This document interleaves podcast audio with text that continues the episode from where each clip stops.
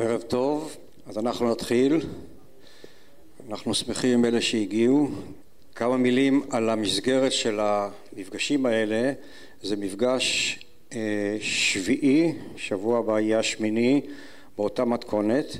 עוד לפני השבעה באוקטובר חשבנו שהאירועים שעברו על החברה הישראלית עוד לפני השבעה באוקטובר מזמינים מעבר לדיונים ולשיח המתבקש המאוד אינטנסיבי שהיה הרבה ברחוב, בהפגנות, ברשתות, בתקשורת, אם מותר לי הקצת רדודה, אה, צריך עוד שיח קצת יותר אינטימי וקצת יותר מעמיק וחשבנו לעשות את זה במסגרת של ערבי רעיונות וגייסנו אני חושב מראיינים מהשורה הראשונה את אמיר אורן, מיכה פרידמן, אה, איתי לנדסברג, ירון לונדון וקיימנו הערב הראשון היה שבועיים לפני אותה שבת, הכותרת שלו הייתה אה, חמישים ליום כיפור, הדרך למלחמה והדרך למחאה והפאנל שהיה היה מוטי אשכנזי, אה, עמרם מצנע, אה, דוקטור הדס שערבני סיידון, פסיכולוגית שהסבירה נהדר את המניעים של אנשים לצאת למחאה. ואני דיברנו על הנושא הזה ובין השאר עלה שמה שאנחנו מתקרבים לשפת התהום כשמה שמחכה לנו השנה זה משהו יותר גדול מיום כיפור. זה נאמר גם לראש הממשלה על ידי אנשי מערכת הביטחון אבל אנחנו הבנו את זה מזווית אחרת. אני מזווית של המחקר אורי שבטח יגיד את דברו הבין את זה מתוך היכרות עם מערכת קבלת החלטות עד כמה הדרג המדיני הוא דומיננטי בקבלת החלטות ואנחנו יודעים מי עמד ועדיין עומד לקבל את ההחלטות עכשיו והבעיה הייתה צפויה. קרה מה שקרה והמשכנו אחרי השבעה באוקטובר בשני מפגשים באותה מתכונת תחת הכותרת שניים היו, שניים הראשונים היו של מי האחריות הזאת ואחרים היו מה עושים מפה. בכותרת הזאת גם מתקיים את שלשום ערב דומה בזיכרון. האנשים שהשתתפו היו אה, מעבר למה שציינתי הפעם הראשונה, היו אחר כך אורי ואסא כשר ודקלה, דיברו על אה, משמעות של, משמעותה של אחריות, אחר כך היה רם ודן חלוץ, יאיר גולן וכולי, כלומר היה פורום נכבד לקיים דיון קצת יותר, אם אפשר להגיד אינטימי, עם הציבור, גם פה נשאיר מקום לשאלות, אה, אנחנו נמשיך בזה גם עכשיו. אני נעלה את האנשים. אה, ענבר, בבקשה.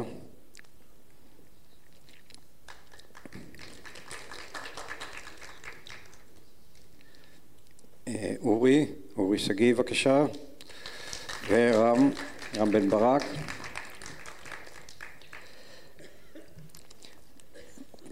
עד שהם עולים כמה מילים, אני חושב שהאמירה המקום ששם תעבור המחרשה, יעבור הגבול, מוכרת לכולנו. אני מרשה לעצמי למען הדיוק ההיסטורי להציג את האמירה הזאת קצת אחרת, לא יודע אם תסכימו איתי, ואני אומר שבמקום שבו ייקבע הגבול, שם תעלה ההתיישבות. מבחינה היסטורית זה יותר נכון, לא נאריך בזה, אבל מת הרגע שהתחיל תהליך עיצוב הגבול המודרני לפני כמעט, קצת יותר ממאה שנה אה, עד אז ההתיישבות באזור הייתה כשלארץ ישראל לא היו גבולות. מרגע של... וכשהתחיל עיצוב הגבול אז גם מטולה, כפר גלעדי ותל חי נאלצו להתפנות כי הגבול הגדיר להם שהם לא שם וחזרו להתיישב אחרי שבעה חודשים רק אחרי שנקבע שהגבול יעבור איפה שעובר היום עם אצבע גליל.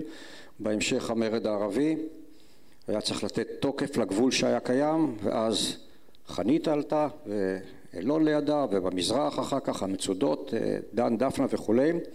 ובהמשך 49 כשנקבע היה קו גבול קמו היישובים לאורך הגבול גם בדרום גם בצפון בעיקר מושבים וזה מה שמאשש את הסיסמה. אה,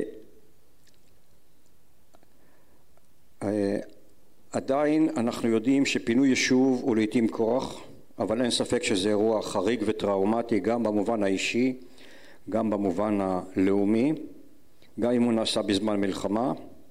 אנחנו יודעים שבמשך 75 שנה יישובי הגבול גם בדרום גם בצפון פה מראש הנקרה ופה עד עמק בית שאן, לכל אורך הגבול, מול שלושת הגזרות, מול שלושת המדינות, עמדו בתקופות קשות, גם בלחימה, אבל רואי אוקטובר שינו סדרי בראשות, חבלי ארץ שלמים, יישובים רבים, תושבים רבים, נדרשו ועל ידי ממשלתם להתפנות מבתיהם שבתוך גבולות המדינה ולתקופה ארוכה שאנחנו לא יודעים עד מתי היא תימשך ואנחנו לא ברור באיזה צורה היא תסתיים אז השאלה היא האם אנחנו עומדים לאבד את הצפון, מה המשמעות לכך, איך הגענו לזה, מה נדרש כדי למנוע את איבוד הצפון, תרתי משמע, גם הגיאוגרפי וגם המצפן, הדרך.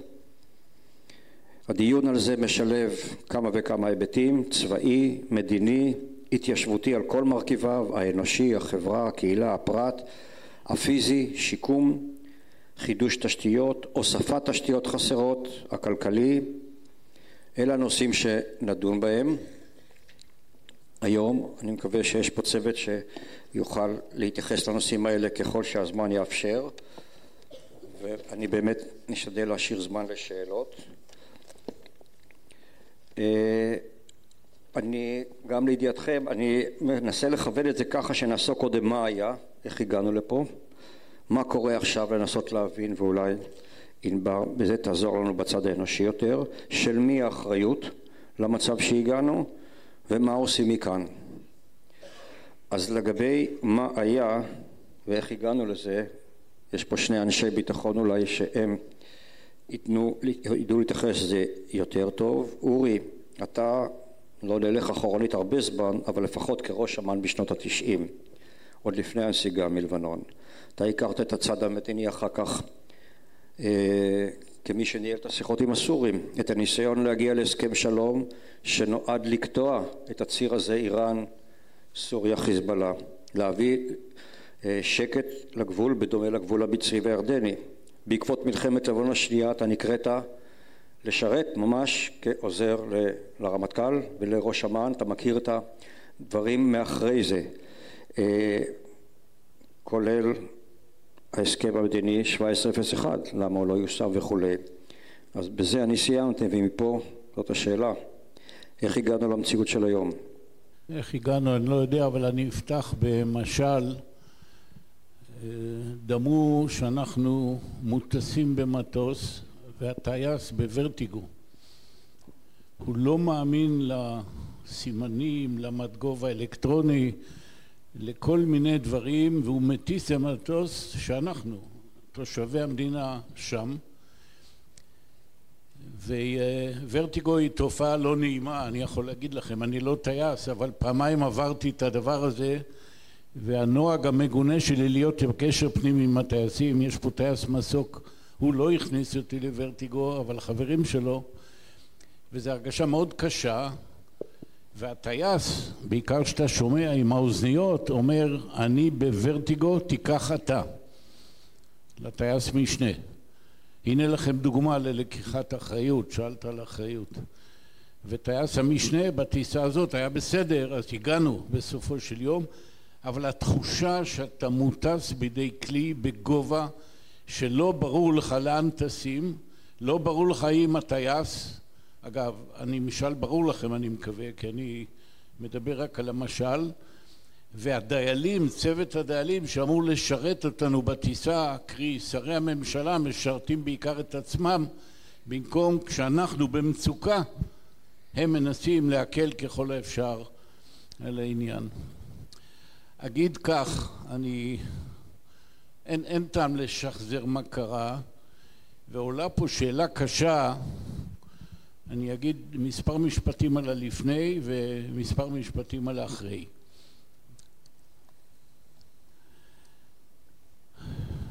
מודיעין זה מילה כוללת, אבל מה הרבותא במודיעין? האם הוא אוגר, אוסף, מנתח מספיק מידע, אבל בזה מסתכם רק החלק הראשון של האחריות ברמה הלאומית, אלא אם הוא מפנים ומבין את המשמעות ויוצר מודעות למה שאמורים לדעת. ואחר כך לגבש דעה כתוצאה מזה. פה קרה לנו בדיוק הפוך, כמו ב-1973 להבל, הבדל גדול, אלף אלפי הבדלות. במילים אחרות, כשאנשים באים, קוראים לזה קונספציה, אבל שבאים עם דעה על עיצוב המציאות ואומרים ביטויים שהם אינם מודיעין, תכף נדבר גם על אחריות הממשלה בהקשר הזה, שהאויב מורתע, הערתי לראש אמ"ן גם הנוכחי את דעתי אבל גם לקודמים, הרתעה זה הבעת דעה זה לא מודיעין. והיא נכונה או לא נכונה בדיוק כמו דעות אחרות. והדבר השני שקרה ניסו גם לנחש מה הכוונה של אלה שמולנו. זה יכול להיות החיזבאללה בצפון או החמאס בדרום. אלוהים יהיה בעזרי אם אני יודע לנחש כוונות של אדם. אני יודע מה הוא אומר, אני יודע מה הוא עושה. כוונה זה כנראה תהליך ביוכימי במוחו של אדם אי אפשר לחדור לזה. והיומרה שני דברים שהעומד מולך הוא מורתע לא בהכרח הוא הסכים לזה כמובן וראיתם שההרתעה בעיקר בתחומים האלה לא פעלה על החמאס לא פועלת על החיזבאללה אלא בערבון מוגבל תכף נדבר גם עליו וגם לא עמדה לנו ב-1973. והכוונה לנסות לנחש בצורה פתלתלה עד כדי להכפיף את זה לדעתך. יש פה לא מעט לוחמים ראיתי וגם פה יש לוחמים לעיתים בניווטים כשלא היה תקשורת ולא היה GPS ולא היה דברים הנווט המתלמד כשהוא מתחיל להתברבר בשטח הוא מנסה לאנוס את המפה. במילים אחרות הר, גבעה, גראי אתה מנסה לאלץ אותם על פי דעתך שזה כמובן שגיאה, שגיאה מאוד גדולה בעניין הזה. רוצה אם כך לומר נקלענו למצב שבו הדעה הכתיבה את כל שאר הדברים היא כמובן לא מנעה מהמודיעין לחשוב אחרת אבל אז קרה דבר נוסף אולי הם לא יודו בזה שמחפשים הרמוניה זה מוביל לתקלה. המודיעין צריך לחפש דיסהרמוניה חילוקי דעות לא עד כדי מריבות אישיות וזה לא היה באותו זמן. רוצה אם כך לומר אסון גדול אני לא יודע מה חזק יותר הכאב או הזעם או ההשפלה ובעיקר אני אספר סיפור אישי אחד הייתי יומיים שלושה אחרי זה בכפר עזה פגשתי שם אולי חלק מכם מכיר אותו את עמוס אפשטיין. היה מנכ"ל מקורות חבר איבד במלחמת ששת הימים אח בכיבוש ירושלים ובאתי אליו כי הוא איבד את אשתו הוא איבד את חתנו הוא איבד את בנו והוא איבד שני נכדים. מה הוא אמר לי? אחרי החיבוק. איפה היה הצבא שלך? כאילו שהצבא הוא שלי. זאת אומרת התחושה של אנשים שהם ההתגלמות של האתוס הציוני בעיניי קיבוצים ומושבים ועיירות שהיו עיירות פיתוח והיום הערים די משגשגות ממש התגלמות החזון של בן גוריון אם תרצו בהקשר הזה הם מרגישים כפי שכולנו יכולים להבין כך או אחרת מופקרים, מושפלים, נבגדים וזה החומה, החובה העליונה של, של המדינה. אורי, אתה מתייחס לאיך קרה אירועי השבעה באוקטובר, בעיקר בדרום. אני אשמח אם נתייחס, אני אעביר גם את רשות הדיבור לרם, ואתה, ואתה תמשיך אולי. בצפון הדברים הנוראים שנחוו בדרום לא היו, אבל עדיין אנחנו עמדנו במצב שאזור שלם נאלץ להתפנות. איך הגענו לזה? אז רם, אתה מהניסיון שלך כסגן ראש המוסד וכיושב ראש ועדת החוץ והביטחון בממשלה הקודמת, אני מניח שאתה קצת אולי יותר מעודכן בפרטים מאורי, אז אולי אתה יכול להתייחס באופן ממוקד לצפון, ואורי אתה תשלים אחרי זה. טוב, זה באמת שאלה מורכבת, איך הגענו למצב שהגענו, ו... ויש לה כמה, כמה הסברים, וזה עוד ייחקר ועוד יסיקו מסקנות גם מעבר למה שאנחנו יודעים היום אחרי חקירה.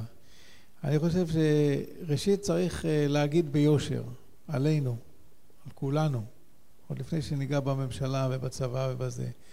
אנחנו בשנים האחרונות, בעשר, חמש עשרה שנה האחרונות, נעשינו עם שלא כל כך רוצה אה, להילחם. הוא מעדיף, ל... הוא מעדיף לחיות חיים אה, נוחים. עכשיו, יש בזה כמובן צד נכון, כאילו אנחנו שייכים לעולם המערבי, העשיר, אנחנו רוצים לנסוע לחוץ לארץ, ללכת לתיאטרון, ללכת לסרטים, אנחנו לא מעוניינים במלחמות כל הזמן. עכשיו, זה, זה מחלחל לכולם, בין אם הם מודים בזה ובין אם הם לא מודים בזה, וה... והתוצאה של זה בין היתר זה היכולת שלנו, הרצון שלנו לצאת למלחמות נאמר יזומות או למשל כשמתחיל איזשהו סבב למשוך אותו עד הסוף או כמו שבמקרה של חיזבאללה שאתה יצאת ב-2006 וראית שהם מפירים את כל מה שהוסכם ב-1701 ואמרת טוב לא נורא זה ובא לידי ביטוי בסוף באותו אוהל שבנו בצד שלנו ואמרנו טוב נו שטויות זה רק עשרה מטר בגבול אז שיישאר האוהל כל הדברים האלה ביחד, אני מספר מפני, ש... מפני שבאמת קשה לצאת למלחמות. קשה, קשה לא רק מבחינה מנהיגותית, קודם כל מבחינה מנהיגותית, אבל בגלל שאנחנו גם לא כל כך אוהבים לצאת למלחמות. צריך להיות ישרים עם עצמנו ולהגיד את זה. אבל זה רק תירוץ, כן? בסופו של דבר יש כאן, אה, יש כאן מדינה, יש צבא, יש ראש ממשלה וממשלה, והם צריכים לקבל אה, החלטות. וכשהממשלה אה, הזו ואחרות, אבל בעיקר הזו, האחרונה, אבל גם כל אלה שקדמו לה, אה, רואה את מה שקורה בגבול הצפון ורואה את ההתחמשות הבלתי נתפסת של חיזבאללה ומבינה את התוכנית האיראנית, הרי בסוף אחרי כל הדבר הזה עומד האיראני ההוא שמה, מבינה את התוכנית האיראנית שבאה ואומרת אנחנו יום אחד נרצה שיהיה לנו נשק גרעיני ובשביל להרתיע את ישראל צריך לבנות סביבו טבעת, טבעת חזקה של הרבה מאוד כוחות שירתיעו את ישראל מלפרוץ. והיא בונה את חיזבאללה, והיא מנסה לבנות אה, חיזבאללה נוסף בסוריה אחרי מלחמת האזרחים בסוריה ומחמש את החמאס וחמש את הג'יהאד האיסלאמי אה, ואנחנו רואים את כל הדברים האלה. אנחנו מתחילים לפעול נדמה לי אייזנקוט התחיל, נגד, ה, נגד הרצון שלהם לבנות את החיזבאללה בסוריה, אבל אנחנו מבוטאים מלפעול בלבנון ולא רוצים, ואנחנו רוצים שקט בדרום מכל מיני סיבות, שאחת הסיבות זה באמת שתהיה הפרדה בין אה, עזה לבין, אה, לבין אה, הגדה, כדי, כדי לא, לא יהיה מצב שיהיה מדינה פלסטינית וכן הלאה וכן הלאה. ו, ולכן, ולכן בסופו של דבר לא עושים את הדברים שצריך uh, לעשות, וכשהמודיעין כושל, והמודיעין תמיד ייכשל, זה אני מסכים איתך. המודיעין תמיד ייכשל, זאת אומרת, כשמישהו רוצה להכשיל את המודיעין הוא יצליח. הכשילו אותנו ביום כיפור, הכשילו אותנו עם הכור בסוריה, הכשילו אותנו עכשיו. כשמישהו רוצה לעשות משהו שאתה לא תדע, והוא יכול להעריך את היכולות שלך, הוא ידע לעשות את זה ולהפתיע אותך. אבל המודיעין זה, זה, זה דבר אחד. המוכנות הצבאית צריכה להיות למקרה וטעית בהערכה. אתה צריך לעשות הערכה, אין לך ברירה, אבל אתה צריך גם לבנות כוח במקרה וטעית בהערכה. ו- וכאן, לדעתי, גם בגבול הצפון לא היינו ערוכים מספיק, וגם בגבול הדרום ברור שלא היינו ערוכים מספיק, ראינו את התוצאה, אה, ועכשיו צריך לשאול למה לא היינו ערוכים מספיק. כאן זו שאלה מורכבת. אם אתה תלך לדיונים של הקבינט, אתה תלך לדיונים שנעשו אפילו בוועדת חוץ וביטחון אה, בשנה האחרונה, אתה תראה שתשומת הלב, רובה ככולה, הייתה מופנית ליהודה ושומרון. השרים החדשים אה, ייצגו מגזר מסוים, והמגזר הזה רצה ביטחון גובר והולך מצד אחד, ומצד שני גם עשה הרבה מאוד פרובוקציות שהראו את הביטחון. וביחד ראית שמ-16 זה הפך ל-18 גדודים ול-20 ול-24 ול-26 גדודים ובסוף זה בא, בסוף אנחנו מדינה קטנה עם 60 אחוז גיוס בסך הכל והשמיכה צרה וצריך להיות בצפון ובעזה וביהודה ושומרון וכשאתה לא עושה את החישוב הנכון איפה יהיו האנשים שלך אתה מוצא גזרה אחת עם מספיק כוח וגזרה אחת עם כוח חסר. טוב, אני מניח שנחזור לנושא הזה כשנמשיך הלאה. אנחנו בקטע הזה נעשה איזה הפסקה, נוכל אחר כך לקשר, נעבור לנושא של מה שקורה עכשיו ולנושא האנושי. ענבר, את אומנם לא בגדר של מתפנה, אבל אני חושב שאת קרובה מאוד לציבור הזה, מבינה אותו ויכולה להתייחס לנושא. אני אומר שהעובדה שהרבה מאוד אה, תושבים מתפנים שנמצאים באזור, אה, הרבה אה, לא מצאו לנכון להגיע לערב כזה, אני חושב שזה מעיד על האווירה, ואולי מפה את יכולה להמשיך. אני אישית לא מפונה, אבל אימא שלי, הדודים שלי, כל מי שאני בת קיבוץ דן, כל מי שנשאר בקיבוץ. אני רוצה דווקא להמשיך ממה שרם ואורי אמרו, ואורי דיבר על מה יותר חזק, איזה רגש יותר חזק, הכעס או ה... לא, אמרת, אמרת כעס, כאב והשפלה. וחסר לי רגש אחד, שזה מבחינתי הרגש שהוא הכי חזק לי מהשביעי באוקטובר, פחד. אבל זה לא סתם פחד, זה אימה. אימה קיומית אמיתית שהתחילה לי בשביעי באוקטובר והיא לא עוזבת אותי. זה ברמה שאני חולמת בלילה שרודפים אחריי מחבלים. ככה. ובימים הראשונים חרדה אמיתית מה עם הילדים. וכבר בשביעי באוקטובר כמובן התקשרתי לאימא שלי, אמרתי לה לא מעניין אותי אם יממו אני באה ולוקחת אותך אליי מהפחד שהיא תישאר בבית ואני חושבת שכרגע אה, לא רק אני, התושבים אנחנו, הפחד הוא, הוא בכמה פרספקטיבות קודם כל הפחד שמה שקרה בדרום יכול לקרות גם בצפון זה אני חושבת תחושה שמשותפת להמון אנשים משפחות עם ילדים שממש פוחדים לחזור הביתה ואומרים אף אחד לא מבטיח לנו. וגם כשעכשיו גם, גם, גם אין אמון. אין אמון בהנהגה. זאת אומרת גם יגידו לנו עכשיו החיזבאללה מורתע זה הדבר אף אחד לא יאמין לזה. ויש פה פחד. מצד אחד מפחדים לחזור הביתה כי יש תחושה של חוסר ביטחון.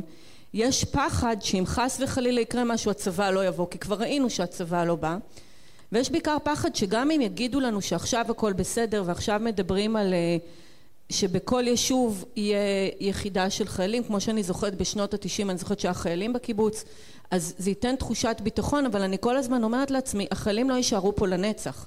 זאת עכשיו יהיה שנתיים שלוש חמש ואז הם יצאו.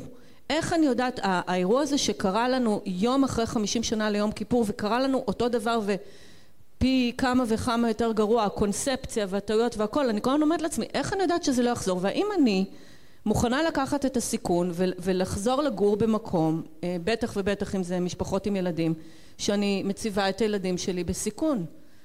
ואני אני ענבר עכשיו זה, זה התושבים אני מדברת על התושבים והפחד שלי לאימא שלי ולדודים שלי כל מי שנשאר בקיבוץ. מצד שני אני כענבר אימא של מור בן השמונה עשרה שצריך להתגייס בעוד חצי שנה יש לי פחד איום ונורא מהצד השני שכן תהיה מלחמה שכביכול אומרים לי זה הדבר האחרון היחיד שיעצור את החיזבאללה כי החיזבאללה והחמאס הם ארגוני טרור אי אפשר לעשות איתם הסכם.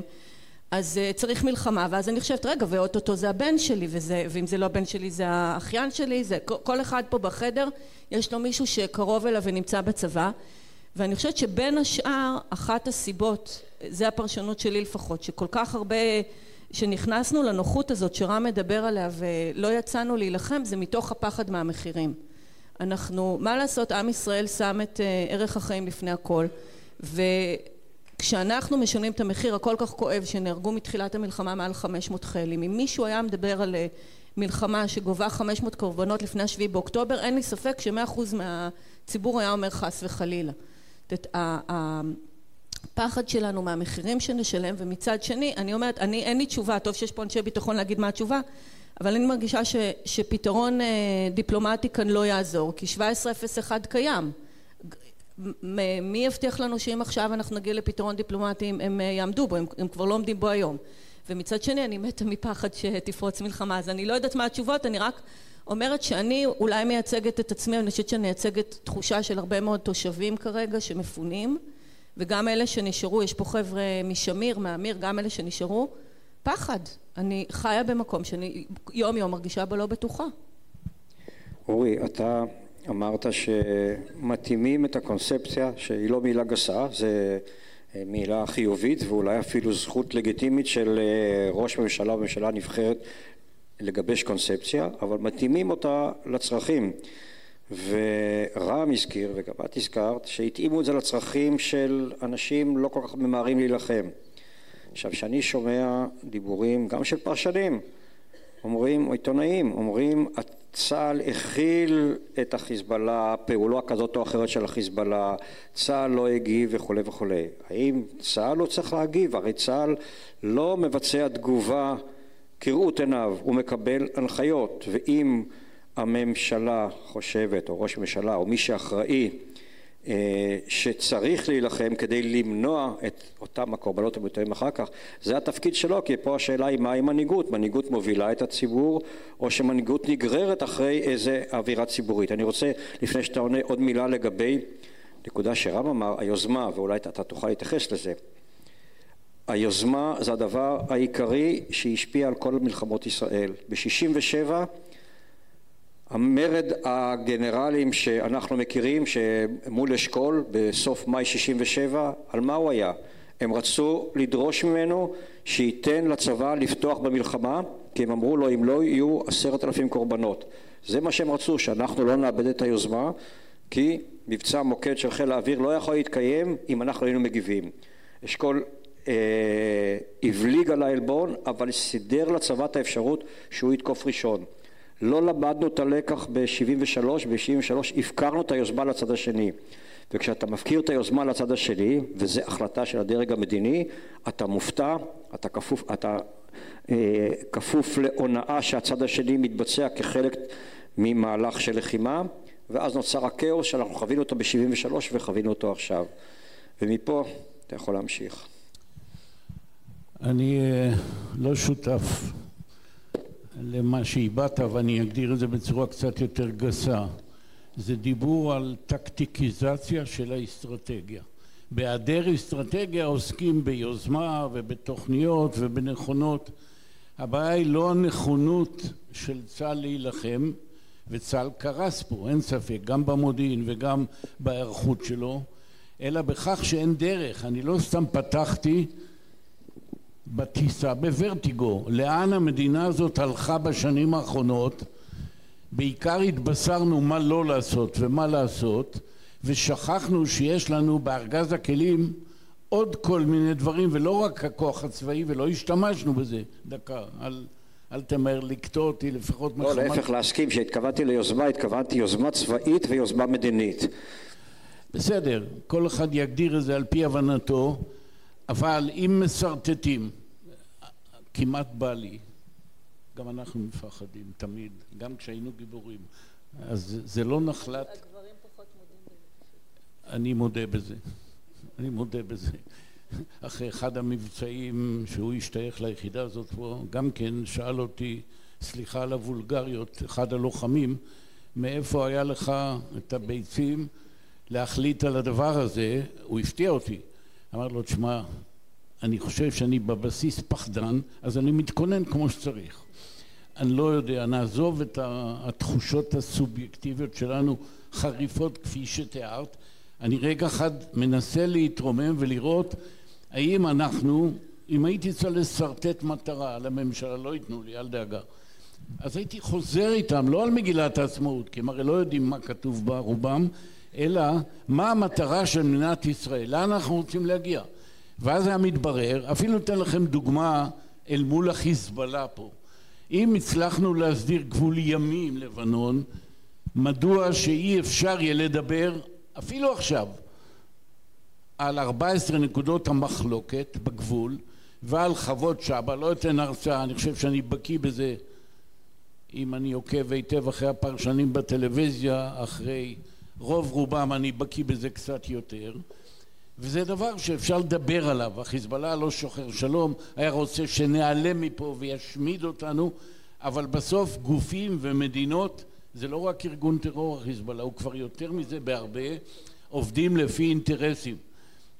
רוצה אם כך לומר, זה לא שהצבא נמנם רק ולא רצה להילחם, אלא כשאין דרך, כל אחד מוצא לו את המסלול משלו, והצבא נכנס לשננות איומה בשנים האחרונות אבל לא עכשיו הרבה בדיבור, יש פה צורך בניקוי אורוות תודעתי קודם כל, כי ראו זה פלא, המלחמה, גיבורים, אני מוכרח להודות, אני אגיד דבר, אני לא יודע אם רם יסכים איתי. אני חשבתי שראיתי הכל, עברתי כבר חוויות לא קלות. תאמינו לי שאני מודה שלא. אחרי שהסתובבתי וראיתי עכשיו, אני לא ראיתי את הכל. וממרום גילי עברתי חוויות, גם צבאיות וגם אחרות, מספיק קשות כדי לטעת בי את התחושה בעבר שראיתי כבר כמעט הכל. לא ראיתי כלום אחרי מה שראינו פה. ועכשיו, עכשיו זה העת לתיקון, וזאת שאלה כמובן אחרת, אבל אני מוכרח לומר, דווקא לאנשי הצפון, החיזבאללה זה ארגון שמוטב ולא היה. חיזבאללה זה ארגון שרוצה להשמיד אותנו. החיזבאללה זה ארגון שיכול לגרום לנו נזק גדול מאוד, אנחנו ננצח בסוף. כל המתלהמים, אני לא אוהב את השפה הזאת, נכתוש ונשמיד ונהרוג לאט לכם. המלחמה הטובה ביותר שאני מכיר זה זו שנמנעה. ויש לנו חובה להימנע מזה ולאחוז רק בנשק אחר. אני מוכרח לומר שאם רוצים, דווקא ראש הממשלה הנוכחי יש כאלה שלא מזכירים אותו בשמו ואומרים הנוכחי, אתה שמעת את העניין הזה. אז גם אני אגיד, הנוכחי טבע בנו את המטבע, אין לנו עם מי לדבר פה במזרח התיכון. הוא מתכוון שאין לנו על מה לדבר, לא עם, אין, אין עם מי, עם, גם עם אויבים מדברים. ואם ישראל לא מחפשת את הדרך להבטיח את קיומה עם כל האפשרויות, לא רק עם האופציות הצבאיות, וכמובן חייב ויהיה חייב בעתיד להיות פה צבא חזק. אז אם יש החמצה, ואני רוצה מילה אחרונה, ב... מה מותר עכשיו, אחרי שזה... מה אני מצפה, אם מותר לי, מראש ממשלה או ממשלה? היא צריכה עכשיו להגדיר, הייתה צריכה קודם, חבל שזה לא נעשה כשהתחיל מה שהם קוראים התמרון הקרקעי, זה לא בדיוק תמרון, דרך אגב, רחמנא ליצלן, זה יוזמה צבאית, אבל זה רחוק מלהיות תמרון. היא הייתה צריכה, והערתי על זה בזמן אמיתי, להגדיר מטרות בבהירות, לא לחסל חמאס, זו אמירה מאוד כללית, פוליטית. שתיים, לוודא שאפשר להשיג את המטרות האלה. הנה לנו פתאום אכזבה לא מצליחים להשיג. כנראה יהיה קשה מאוד להשיג, אם בכלל. הדבר השלישי שהיא תעשו אופטימיזציה של המשאבים. מדינת ישראל במלחמה טוטאלית. ויושב פה רם שהוא עסוק בהוויה פוליטית גם. אם המדינה הזאת עכשיו, בזמן חירום, לא ממרכזת את כל המשאבים שלה ועדיין יודעת לשלם כספים קואליציוניים או דברים אחרים, היא חוטאת לכל תפקיד. והדבר הרביעי והאחרון, יסלחו לי, זה בחירת האנשים המתאימים, גם בצבא, דרך אגב. יש כאלה כנראה, ואני לא הרבה בדיבור פה, לא נאה, שמבחינה אישית אולי המוטב שלא יהיו במקומות שהם ישנם, אבל בצד המדיני-פוליטי אין פה מדינאות, יש פה רק פוליטיקה. אין מדינאים, על פי מיטב הבנתי, מאז הניסיון של אהוד ברק ואהוד אולמרט להתעסק במדינאות גם במזרח, אין מדינאות פה בחמש עשרה שנה האחרונות, רק פוליטיקה שימושית, ובעיקר מה לא לעשות. אז זה מרשם בדוק לאסון גדול, ואני מקווה שנצא ממנו לא בגלל הממשלה, למרות הממשלה. יש לי שאלה לרם, אפשר? רם, יש לי שאלה אליך. אני נזכרת פה תוך כדי הדיון בכנס חוג בית שאתה ואני השתתפנו בו לפני קצת יותר משנה, והיה שם איזה משפט שאמרת שממש אה, עשה לי שכל. תתפלא, גם הקשבתי למה שאתה אומר. אה, אמרת שם, אתה שאלת את הקהל איזה, איזה מלחמה היו לה התוצאות הכי קשות מקום המדינה ואיזה מלחמה היו לה התוצאות הכי, הכי טובות. אתה זוכר את זה? עכשיו רוב האנשים אומרים שהתוצאות הכי טובות היה ששת הימים והתוצאות הכי גרועות היה יום כיפור. ורמז אמר בדיוק הפוך. כי התוצאה ארוכת הטווח של ששת הימים זה שנתקענו עם עזה ויהודה ושומרון שאנחנו לא מצליחים עד עכשיו ואנחנו סובלים מהם. והתוצאה של יום כיפור היה שבגלל שהושפלנו אז זה פתח את הפתח להסכמי השלום. אז אני רוצה לשאול אותך, הרי הושפלנו עד עפר, האם אתה רואה שמתוך ההשפלה הנוראית הזאת באמת יצא פה משהו אה, שייתן איזשהו, לא יודעת אם פתרון, אבל אה, אה, אופציה להסכמים חדשים? כי זה הדבר היחידי שאני כל הזמן אומרת לעצמי, אם מתוך הזוועות האלה יצוץ איזה הסכם שלום אזורי, אולי המחיר היה שווה. אתה, אתה רואה דבר כזה בכלל אפשרי? אז רב, לפני שאתה עונה, כי ענבר באמת העבירה אותנו בדיוק לשלב הבא של רציתי להגיע אליו, ואני אמשיך את השאלה שלה בדוגמאות. מה, אנחנו מבינים שגם אם נאמר שראש הממשלה והממשלה הייתה ממשלה שיכולה להשיג, לגשת לטפל בעניינים כמו שאתה רוצה אורי. עדיין המצב הוא מאוד מאוד מורכב, הוא שילוב של מהלכים צבאיים ושילוב של מהלכים מדיניים. אז ואתה אמרת החיזבאללה זה עובדה, הוא קיים, אנחנו לא רוצים אותו אבל הוא קיים ואיתו עם המערכת הזאת אנחנו צריכים להגיע לאיזשהו פתרון בין אם יהיה כזה או אחר. עכשיו שאני אה, מנסה להבין את שפת הדיבור של החיזבאללה. יש לה שפת דיבור. יש הבדל אם הם תוקפים בחוות שבא או אם הם תוקפים ב, ב, בתוך גבול מדינת ישראל. יש הבדל אם הם תוקפים מטרה צבאית או הם תוקפים מטרה אה, אה, אזרחית. יש לזה שפה את השפה הזאת אנחנו צריכים להכיר זה, לפחות מי שמקבל את ההחלטות צריך להכיר אני חושב שמפה זה ממשיך האם ניתן להגיע לאיזשהו אה, מהלך מורכב כזה שיביא את מה שאנחנו רוצים. אני אשתדל, אה, אני אשתדל אה, להגיד את דעתי, אני לא יודע אם זה לענות, זה להגיד את דעתי. אני חושב שחמאס זה ארגון טרור שהוא ארגון טרור דתי אידיאולוגי של האחים המוסלמים ואיתו יהיה קשה מאוד להגיע לאיזשהו משהו. אני מסכים עם אורי שמדינה שלא יודעת לאן היא רוצה להגיע היא בסופו של דבר מתברברת והיא לא מגיעה לכלום ולכן צריך להיות איזשהו חזון שלאורו עושים את כל הפעולות.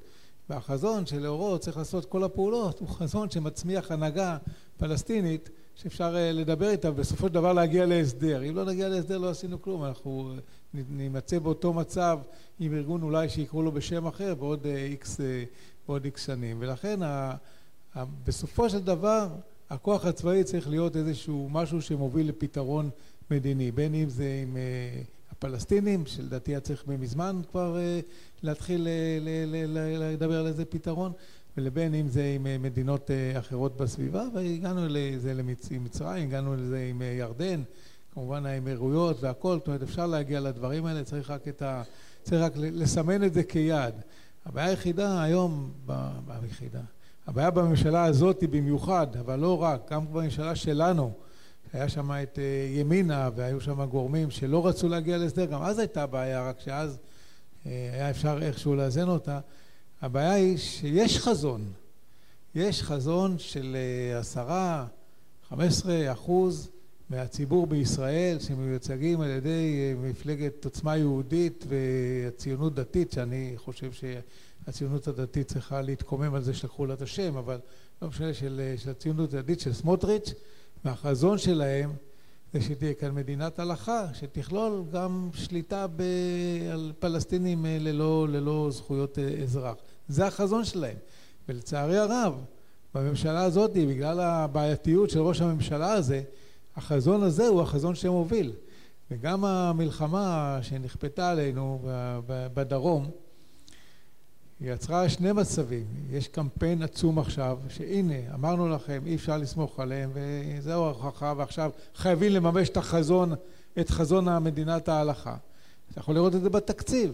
בתקציב שמוגש לכנסת ביום שני הבא בתקציב הזה לקחו 300, קיצצו 360 מיליון שקלים מההשכלה הגבוהה ונתנו 165 שקלים, מיליון שקלים לחיזוק הזהות היהודית. למה צריך לחזק את הזהות היהודית? כדי להגיע לאותו חזון שתהיה כאן מדינת הלכה כי צריך להכין את הנוער, את הילדים שלכם ושלי, את הנכדים שלי, להכין אותם לקראת זה שהם יהיו, יוכלו לקבל את העניין הזה של מדינת הלכה. יש כאן חזון שבא לידי מימוש, הם לא סתם מתעקשים על הכספים הקואליציוניים האלה הם מממשים חזון שלהם וצריך בשביל זה את זה לגדוע ולחזור לחזון של, של בן גוריון ושל מגילת העצמאות שזה החזון שאנחנו צריכים לצעוד לאורו. אז המלחמה הזאת היא אכן מביאה הזדמנויות רק שלצערי הרב כרגע היא מביאה הזדמנות יותר בצד השני שאומרים אמרנו לכם כל הערבים אותו דבר אין עם מי לדבר אין על מה לדבר צריך להרוג ואם אנחנו לא יכולים להרוג אז שישכבו שם בג'יפה שלהם ואנחנו נשלוט בהם. זה החזון שכרגע מובילים סון הר מלך וחבורתה. למול, למול החזון שהיה צריך להוביל איך אנחנו מחזקים את, ה, את, ה, את מדינת ישראל ואיך אנחנו מגיעים, מגיעים להסכמים ושעושים צבא חזק שכולם שותפים בו שיכול להגן על אותם הסכמים אולמרט היה ראש הממשלה האחרון לדעתי ש... שיצא למלחמה על זה שהפרו לנו את הריבונות הבעיה היא שאחרי שהוא הגיע ל-1701 שזה הסכם טוב הגיע ל-1701 והפרו אותו הוא לא עשה שום דבר כשהפרו אותו לא הוא אלה שבאו אחריו לא עשו כלום. אפשר להגיד את הדברים במפורש, מ-2009 היה ראש ממשלה אחד למעשה שהיה אמור לטפל ב-1701. ואני רוצה להגיד לגבי, לגבי לבנון, שזה באמת בעיה גדולה מאוד. לבנון, גם אם תהיה מלחמה, היא תיגמר בהסכם. היא גם היא תיגמר בהסכם, אנחנו לא נכבוש את לבנון. היא תיגמר בהסכם. עכשיו, אם אפשר להגיע להסכם הזה לפני מלחמה, אז זה עדיף. הרי בסוף גם את ההסכם שיגיעו אחרי המלחמה אפשר יהיה להפר. ברור שהממשלה הזאת, אני לא חושבת שיש פה מישהו בחדר שיש לו ספק שהממשלה הזאת לא תביא להסדר מדיני, לפחות לא להסדר מדיני שאנחנו רוצים. אבל נכון, אבל כולנו אופטימיים שבשנה הקרובה יהיו בחירות. תבוא ממשלה, אינשאללה הממשלה שלנו בראשותו של לפיד, בראשותו של גנץ, אחד מהשניים. יש עם מי לדבר, יש עם מי לעשות הסכמים. אתה אז אמרת אחרי יום כיפור שזה פתח את הפתח להסכמי שלום. אפשר לעשות הסכמי שלום עם לבנון, עם סוריה. יש בצד השני פרטנרים להסכמים כאלה? כרגע, אני אתן לך עוד שנייה, כי אורי כן, יותר בקיא ממני בתהליכים לשלום. אבל אה, תראי, יש... גם במלחמות, וזה מה שנותן לך את הזכות. אבל אה, תראי, אנחנו נמצאים בסיטואציה שהיא קצת יותר מורכבת, בגלל שלכל הדברים האלה יש פטרון שיושב בטהרן. ובפטרון הזה חייבים, חייבים איתו להגיע הלוואי ולהחליף אותו במישהו אחר שם, שלדעתי זה יקרה, זה רק עניין של זמן, כי יש, אין, אין אה, קורלציה בין המנהיגות שם לבין העם. העם היה רוצה להחליף אותו, זה קיים, ביום אחד זה יקרה. צריך לראות איך, איך עושים את זה. בלי, בלי אותו ראש הנחש, כל העסק כאן היה הרבה יותר פשוט מבחינת, ה, מבחינת חיזבאללה, לפחות בטוח. אז אה, אני לא מאמין שאפשר להגיע להסכם שלום עם חיזבאללה. ששולט באיראן כל זמן שהאיראנים נמצאים. עם העם הלבנוני היינו יכולים להגיע אם לא היה חיזבאללה ככוח חמוש ורב השפעה שם. לגבי ארגוני טרור, זה לא עם ארגוני טרור, עם חמאס אי אפשר להגיע לכלום, אבל עם הפלסטינים אפשר, והפלסטינים יכולים לשלוט בעזה, זה מה שצריך לעשות עכשיו. אם היה כאן, אם היה כאן מנהיגות רצינית, הייתה מציבה איזשהו, מה היא רוצה שיהיה בעזה, ועכשיו לוקחת את כל המערכות שאנחנו יכולים להפעיל, וגם המדיניות וגם הבינלאומיות, ורואה שהדבר הזה קורה. זה לא יקרה בשנה, לא בשנתיים, אבל בעשור אולי זה כן יקרה. אורי, לפני שאתה אה, מתייחס לזה, אז לקח לנו קצת זמן, אולי יותר מדי ממה שחשבתי, להגיע למסקנה שמפה והלאה להתקדם אי אפשר כל זמן שהמצב הפוליטי הוא כמו שהוא עכשיו.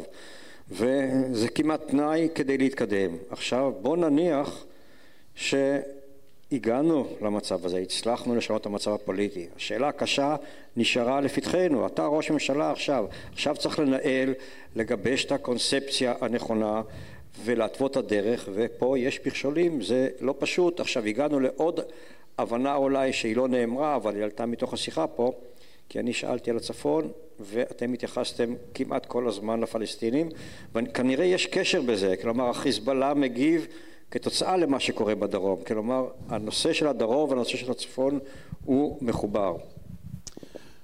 השלום, אני אפתיע אותך, הוא לא מטרה, הוא אמצעי. וכשדיברתי על שימוש בכל אמצעי כדי להשיג את המטרות, לא דיברנו על המטרות, אזי הכוח הצבאי מחד גיסא והסכמים מדיניים מאידך גיסא עוזרים לנו להשיג את המטרות על של מדינת ישראל.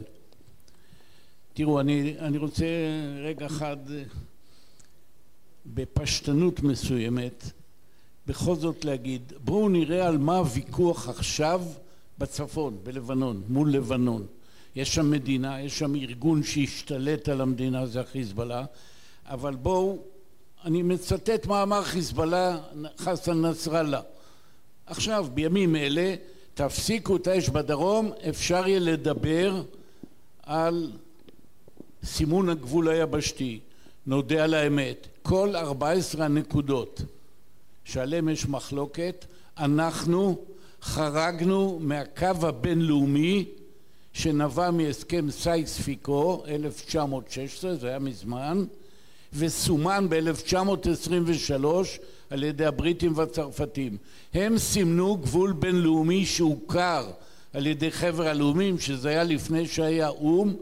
אנחנו מצרכים טקטיים צבאיים מוצדקים פלשנו, אתן שתי דוגמאות שאתם מכירים אותן. המרפסת במשגב עם, שאתם באים לראות שם, היא מעבר לגבול. הרחבה באזור ראש הנקרה היא מעבר לגבול הבינלאומי. אז צריך לדבר, אמר חסן נסראללה, לא אני.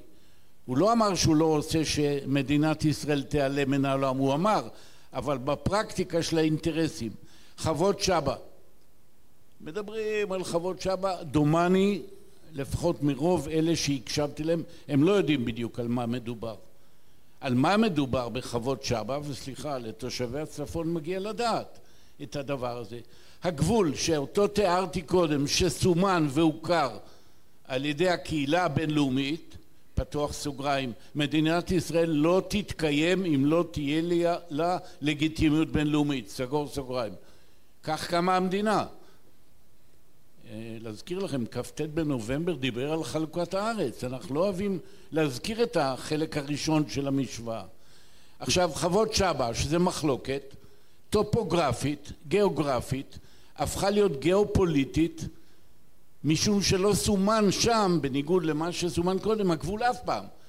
בין, בעצם זה מחלוקת בין סוריה, שאת שטחה כבשנו ב-67', לבין לבנון, אבל הם מעולם לא דיינו על זה. עכשיו, הואיל ואני הייתי הציונות המעשית, כשהייתי צעיר הייתי חייל, אני זוכר עם הסיירת, פשטנו על האזור שהיום הוא הר דוב, היה ג'בל רוס, וכבשנו אותו, וסילקנו את כל המזרות שקרויות חוות שבא, סילקנו את כולם. הם בטריטוריה סורית, אבל כל התושבים שהיו שם לבנונים. רג'ר, רג'ר זה עלאווים שהיו בשטח סוריה. אלא מאי? הכפר התקדם והתפתח וחרג צפונה מהקו הבינלאומי. מה רוצה לומר?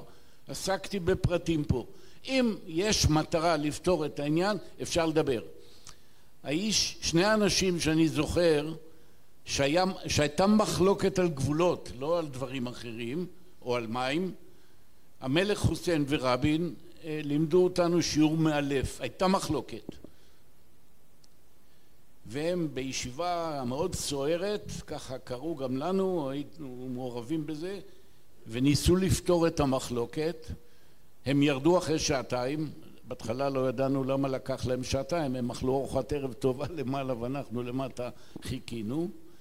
ואז המלך חוסיין אמר משפט מופלא של מדינאי: לא פתרנו את המחלוקות, אבל החלטנו שיש שלום. ופתאום כל הצוותים המתלהמים התיישרו. והבעיה נפתרה. עכשיו אני אגלה לכם עוד דבר, לכאורה אם תשאלו בקהילה הבינלאומית אם ישראל פינתה עד הסנטימטר האחרון את המחלוקת עם ירדן כמו עם מצרים, מצרים עד הסנטימטר האחרון פינינו. אז אתם תגידו לי כן, התשובה היא לא, אבל שהיו שני הצדדים חכמים עשו תיקוני גבול אבל קראו לזה הקו הבינלאומי. זאת אומרת גם הארבע עשרה נקודות הללו בראייה היסטורית רחבת אופקים. אם מישהו רוצה הסדרים פה אני עוד לא דיברתי על שלום. השלום זה קצת יותר קשה להשיג. רוצה לומר יש לנו אינטרס עליון להגיע ולהשיג את המטרת העל. יהיה לנו זמן אני אגיד אותה אחר כך. והדרך לשם היא גם הסדרים מדיניים. עכשיו הממשלה הנוכחית אין שום סיכוי. אני לא אוהב להגיד אין סיכוי. אין סיכוי.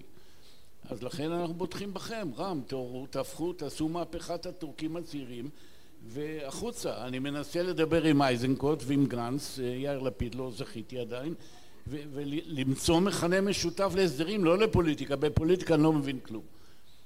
אבל בהסתכלות, נקרא לה המדינית הרחבה יותר, למטרת ארץ ישראל, אני כמעט לא רואה בעיה שאי אפשר לפתור אותה אם רוצים. אם לא רוצים אז כמובן זה לא ייפתר. מילה אחרונה על, על זה הוזכר פה, המשא ומתן עם הסורים. אחת ההחמצות האסטרטגיות הגדולות ביותר בעיניי של מדינת ישראל ואני יודע בצפון חלק לא אוהבים את הדעה שלי כי המשמעות הייתה לרדת מרמת הגולן אבל זו הייתה החמצה אני רק אתן לכם רמז מפתה למה אני מתעקש על האמירה הזאת הכל כך גורפת בהסדר עם הסורים שהוחמץ בשנת 2000 היה גם הסדר בעיית לבנון הם, הסורים, היו מוכנים להתחייב לפרק את החיזבאללה מנשקו, יישאר רק ארגון פוליטי. הם שלטו אז בלבנון, אני מזכיר לכם. זה דבר לא קל ערך, ואז לא היינו צריכים גם את הנסיגה כפי שהייתה אה, מתוך לבנון, בין שאר הדברים. אגיד לכם עוד דבר, זה יפתיע. ההסדר אז עם הסורים זכה לאור ירוק מאיראן. אתם יכולים לא להאמין, אני יכול להוכיח את זה בבית משפט. אני, אני זוכר, החלפנו טיוטות של הסכם. איראן הסכימה שסוריה תעשה שלום עם ישראל. אז איראן לא חשודה באהבת ישראל, שלא נתבלבל בעניין הזה, אבל מדינות עובדות על סמך אינטרסים. לצערי, היינו זקוקים למכה איומה, אין גדולה ממנה, מאז מרד בר כוכבא לא מתו ביום אחד כל כך הרבה יהודים. מרד בר כוכבא היה במאה שלושים וחמש לספירה, זה היה מזמן. חוץ מהשואה, ברור. השואה זה אקס טריטוריה בכלל בהסתכלות על העניין הזה. נכון, ההערה במקומה, אני תמיד מעיר והיום לא הערתי. זה ברור, ברור מאליו. אם חפצי חיים אנחנו בטווח הארוך, אני עוד פעם ממליץ, צריך להשתמש בכל מה שיש בארגז הכלים, ואני לא מקבל את הטענה שהצבא לא רוצה להילחם. הצבא מקיים את מה שמנחה אותו הדרג, הדרג המדיני ודווקא ההתעוררות המופלאה הזאת של הצבא, צבא המילואים למזל היה שלושה שבועות להתכונן, להחזיר אותם לכשירות לא כל מה שאלוף בריק אמר נכון, אבל לא כל מה שאלוף בריק אמר לא נכון. היו המון פגמים שהוא הצביע עליהם באדיקות משיחית, וכדאי להקשיב, בכלל יש לנו טבע מוזר, שיש בשורה לא נעימה אנחנו מטפלים בשליח. בואו נראה מה הוא אומר. אז הצבא התעורר, הצבא היום באמת פועל כנראה בצורה מופלאה, והרוח, הרוח בעם, תראו, יום אחרי זה ראיתי מה ארגן, ללא רמז פוליטי, מה ארגן הארגון הקרוי אחים לנשק. ממשלת ישראל בעוד עשר שנים לא תהיה מסוגלת להגיב על כל הדאגה הלוגיסטית ועל הטיפול בחטופים. יש פה כוחות עצומים בעם הזה והפירמידה היא הפוכה לצערי, האיכות למטה, לא למעלה. כן, אתה דיברת על חזון, החזון אולי עוד נגיע, ולפני זה אולי ננסה להיות מעשיים. נניח שניתן יהיה להגיע לאיזשהו פתרון זמני כרגע שתהיה רגיעה, שהוא מותנה בדרום, ועדיין לא דיברנו בכלל על כל נושא החטופים שעוד עוד, אה, לפתחנו, אבל איזשהו פתרון מדיני שהוא יהיה כפוי כי הממשלה הזאת לא תוכל לקבל פתרון לא כפוי שישליך על הצפון שבאיזושהי קונסטלציה יהיה שקט. עכשיו אני חוזר אלייך ענבר כי עדיין מה נדרש כדי שאנשים ירגישו אה, שהם יכולים לחזור לא רק מזה שאולי הובטח להם הנושא הביטחוני ולו אה, זמנית עדיין יש עוד דברים שאני אגיד יכול להיות שהם אולי התנהגו כילדים טובים מדי לפני זה ולא הקימו קול צעקה לפני זה כי עדיין זה פריפריה ופוגעים בפריפריה ויש אה, תשתיות אה, יש אה, אוניברסיטה בגליל, אין אוניברסיטה וכולי וכולי. אז שאלה שדווקא התשובה אליה הכינה אותי מראש, תשובה מאוד פשוטה. יש ארבעה דברים שצריכים לקרות כדי שהתושבים שלנו יחזרו. ויחזרו בתחושה טובה.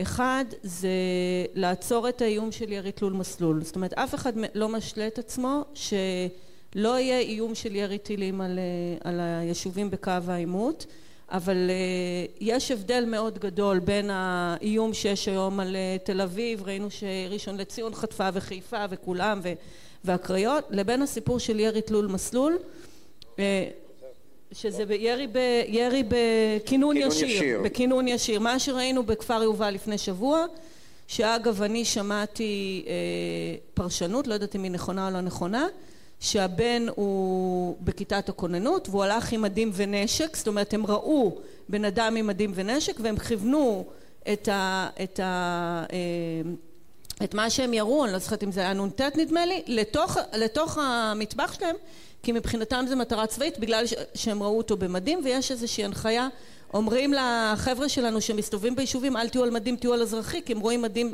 הם ממש רואים אותנו. בסדר? גם בדן יש אזורים בדן במערכת ש...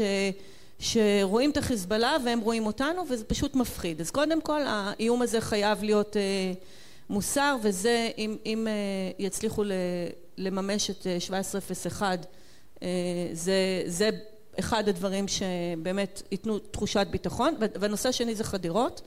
זה מחזיר אותי שוב לילדות שלי לפחד מחדירות סיפור שגדלנו עליו של משגבם, אני הייתי בכיתה ח' כשהיה את ליל הגלשונים, אני ממש זוכרת איך הכניסו אותנו, למדתי אז במוסד, בעינות ירדן, אמרו לנו תכנסו לחדרים, תכבו את האור, תהיו בשקט, כי חששו שהמחבל נמצא בירדן. את הסיפור הזה בדן, אני גדלתי בדן והבית ספר שלנו היה בעינות ירדן, בליל הגלשונים ממש היה חשד שהמחבל הגיע לירדן, זאת אומרת הסיפור הזה של חדירות מחבלים, אחרי השביעי לעשירי אנשים אחרי שראינו את התמונות ואת הסרטוני אימה מהעוטף זה אחד הפחדים הכי גדולים היום וזה יכול להיות שהם יכניסו באמת יחידות צבאיות לתוך היישובים. זה, זה ייתן איזושהי תחושה לפחות ש, שבתחום הזה יש מענה. הנושא השלישי זה מיגון. התוכנית למיגון הצפון שלמיטב זיכרוני היה תקציב של 15 מיליארד שקל שמתוכו רק 500, אלף, 500 מיליון בעצם נעשה בהם שימוש, זאת אומרת הסיפור של מיגון הוא קריטי, אנחנו מדברים, אני מדברת רק על המועצה שלנו, גליל עליון היום עובדת במועצה, יש לנו 120 גני ילדים שאפס מתוכם ממוגנים, זה חייב להיות מיגון למבני ציבור ולעשות איזשהו סבסוד גם לממ"דים פרטיים כי רוב האוכלוסייה, מעל 50% מהאוכלוסייה, בטח ובטח הבתים הוותיקים אין להם ממ"דים. והנושא הרביעי שהוא לא פחות חשוב משלושת הדברים שאמרתי שקשורים לביטחון זה נושא של השקעה בעסקים. יש תופעה מאוד מאוד מדאיגה שקרתה מהשביעי באוקטובר שעסקים עוזבים חלקם אפילו קיבלו כסף, קיבלו כסף מהמדינה, קיבלו אינסנטיב, תמריצים לצאת מהאזור ולעבור בעיקר בתחום ההייטק, חברות שהוקמו בצפון עברו ליוקנעם, עברו לקיסריה, אנחנו לא רואים אותם חוזרים, פה הממשלה חייבת לעשות איזושהי תוכנית מאוד מאוד עם, עם, עם כיסים עמוקים כדי לעודד עסקים להחזיר אותם לצפון כי גם אם תהיה תחושת ביטחון ואנשים יגידו אוקיי עכשיו אני בטוח כי יש לי ממ"ד והחיזבאללה מעבר לליטני אם לא יהיה תעסוקה אנשים לא יחזרו אז זהו, לפני שאתם ממשיכים, את הדגשת כל הנקודות, שלושת הנקודות מתוך הארבע בנושא ביטחון. השאלה אם האירוע הכל כך דרמטי שהתרחש עכשיו, הטראומטי, הוא לא צריך לשלם, להוות מנוף להתייחסות לגמרי שונה לפריפריה. זה נכון לעוטף בדרום, זה נכון לצפון, מדברים על השקעות של מיליארדים, אבל כשאני שומע עכשיו את ההשקעות של מיליארדים, דרעי רוצה להשאיר במשרד הפנים כי הוא שולט שם, אז אנחנו יודעים גם איך זה, איך זה אה, אה, התנהל.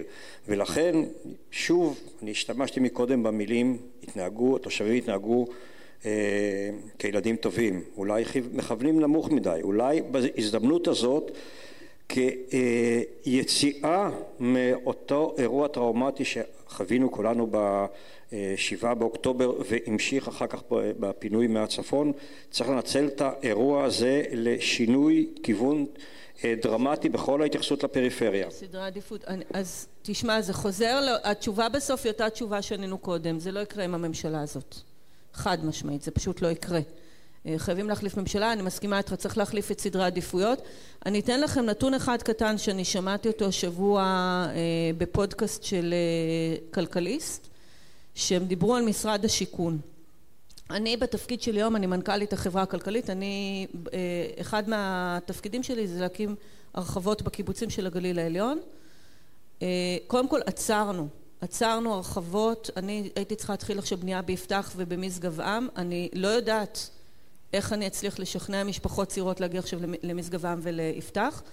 אתמול הייתי בכפר הנשיא שזה יחסית עוד מקום בסדר אבל עלויות של הפיתוח והקרקע הם אסטרונומיות, אי אפשר להאמין שזה פריפריה ואז אני שמעתי בפודקאסט של כלכליסט שבשנה הזאת מאז קמה הממשלה יש גידול של 200 אחוז בשיווק בתים למגזר החרדי, אפס אחוז גידול בשיווק בתים לכל השאר.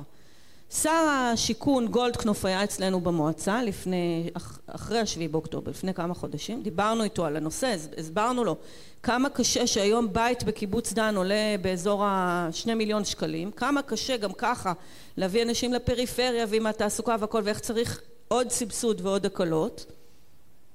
כל עוד הוא שר השיכון וכל עוד הממשלה הזאת יושבת שם לא רואה את זה קורה. זה חוזר לתשובה, צריך סד... אה, לתשובה שעם הממשלה הזאת כלום לא יקרה, צריך שינוי דרמטי של סדרי עדיפות, צריך ממשלה שתשקיע, תביא זוגות צעירים, תוריד את המחירים של ה... תיתן מחיר אפס על הקרקע, תיתן סבסוד על, ה... על התשתיות, תעזור... תעודד זוגות צעירים, משפחות צעירות להגיע, עד שלא נחליף את הממשלה אני לא רואה את זה קורה. אורי, לעניין החזון, הזכרת קודם את החזון ואמרת נגיע אליו תמשיך ורב ימשיך אחריך. נשאיר לרב. אני מבקש. הטיעון המרכזי של מי שחושבים אחרת מאיתנו, אבל לא אנקוב ביותר מדי שמות תבינו, הם בעיקר טיעונים בשל הצדק ההיסטורי. הזכות שלנו פה הנובעת מהצדק ההיסטורי. אז היסטוריה זה דבר גמיש, תלוי ממתי מונים אותה כמובן, ואני לא רוצה למשוך אתכם לדיון, אבל אפילו, אני מתפלא, בדרך כלל תמיד מוצא מישהו נימוק נגד התנועה והאנשים המשיחיים, יש אומרים ההזויים, שמושכים אותנו או מנסים למשוך אותנו לכל מיני מקומות. יישוב מחדש של גוש קטיף, למשל. מבחינה ביטחונית אסון, מבחינה מדינית תקלה, אבל אני רוצה לדבר דווקא על הדבר בנשק שלהם. אולי אני אפתיע פה חלק מהאנשים, כי לא ראיתי שמישהו אמר את זה. אם בודקים מהם הגבולות ההיסטוריים של ארץ ישראל, יש שלושה גבולות אפשריים. אחד, הבטחה אלוקית, מן הים עד לנהר. לא מעשי בשלב הזה, נכון? שתיים, היה נוסח של עולי מצרים, שיש ארכיאולוגים שבכלל מפקפקים עם את עליית מצרים, סליחה על הפרובוקציה. אנחנו מאמינים כמובן במורשת שלנו ובהיסטוריה, לא תמיד כל דבר הוא עובדה היסטורית. אבל הנוסח שהתקבל, הלכה של ממש, שגבולות ארץ ישראל ההיסטוריים בדרום לא כוללים את רצועת עזה. תדמיינו קו בין אשקלון לפטרה בירדן ואם אתם לא מאמינים לי, תלכו לרבנות הראשית ותראו איפה חלים חוקי השמיטה בארץ ישראל. חקלאי בגוש קטיף או חקלאי בערבה, אין לו בעיית שמיטה. אין לו. הלכה פסוקה. אז המשיחים ההזויים שבאים בנימוק של צדק היסטורי, אני נותן לך רם קצת תחמושת, בנשק שלהם. לא היה דבר כזה על פי ההלכה המוכרת של היהודים בארץ ישראל. עכשיו מה החזון? אני לא יודע מה מילה חזון, אני כן אתן ולא יהיה זמן כנראה להרחיב. הרי תראו, לפני המלחמה הזאת היינו בתחושה, אולי אפילו בידיעה, שהאיום על עצם קיום מדינת ישראל נמצא בתהליך ירידה כבר מספר שנים. לא ממעיט בערך החמאס ולא בערך החיזבאללה, אבל אנחנו דור שידע דברים קשים יותר בהרבה. אזי המטרה היא להתקיים פה כיחידים וכחברה קולקטיבית, דבר אחד. דבר שני, שתהיה פה איכות חיים, well-being אם תרצו, אין לי מילה יותר טובה לתרגום, שנהיה חברת, אני לא יודע, כמו שבן גוריון רצה, שתהיה חברת מופת, אבל שתהיה פה חברה צודקת. שלוש, האבות המייסדים אמרו שזה יהיה באמצעות מדינה, כי להתקיים אפשר גם בניו יורק, גם כבודדים וגם חברה. לא. ואחרי זה אנחנו רוצים, ועל זה יהיה ויכוח שיתחדש רם, אתה ואני, בעיקר אתה, היינו בהפגנות לא מעט, במאבק על הזהות של המדינה. מה הממשק בין היותנו יהודים לבין היותנו ליברלים ודמוקרטים? הרחקנו את זה. לכאורה ההפיכה המשטרית נעלמה, היא לא נעלמה אליבא דה הממשלה הזאת. עכשיו זה לא הזמן לעורר אותה. הדבר רביעי שהוא קריטי, אנחנו מדינה בלי גבולות מוכרים, אלא אל מול מצרים ואל מול ירדן. אין לנו גבול מוכר על ידי הקהילה הבינלאומית ודיברתי על הלגיטימיות הכל כך חסרה עם לבנון, עם סוריה זה התנפץ כפי שהתנפץ, היום אני לא בטוח שיש עם מי לעשות, אבל הליבה של הסכסוך זה הבעיה הפלסטינאית. היא לא נעלמת, היא לא הולכת לשום מקום. ההצלחה של חמאס זועקת, הם המייצגים של הקייס הפלסטיני יותר מכל אחד אחר. הם גם הפכו את זה למלחמה דתית, שומו שמיים. הם הצליחו בשומר החומות גם לעורר חלק מערביי ארץ ישראל. הם נחשבים, ואני אגלה לכם דבר שהוא לא סוד, אם יהיה הסדר איתם על החזרת החטופים, כל האסירים שלהם יחזרו הביתה. אז הוא הצליח גם בזה, סינואר. הוא הצליח גם בזה כנראה, לצערי, אבל זה, זה המצב. ולכן מדינה שאין לה גבולות, לנוער הגבעות שלה אין מגבלות. אנחנו על חבית חומר נפץ ביהודה ושומרון, זה עוד מחכה לנו. במידה רבה זה אולי היה פרומו של הוויכוח הפנימי בתוך, בתוך תוכנו. וצריך להבין, וזה הדבר האחרון, כי הרי גבולות ארץ ישראל יש ויכוח מהם. צריך להכריע אותו. ודאי לא הגבולות, כפי שאמרתי, של ההבטחה האלוקית. וצריך בפרקטיקה מדינית להבין שאנחנו לא חיים בעולם לבד, גם אם אנחנו צודקים.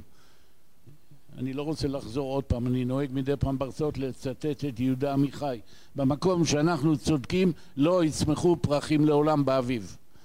אנחנו צודקים, בסדר, אבל יש עוד כאלה שחושבים שהם צודקים.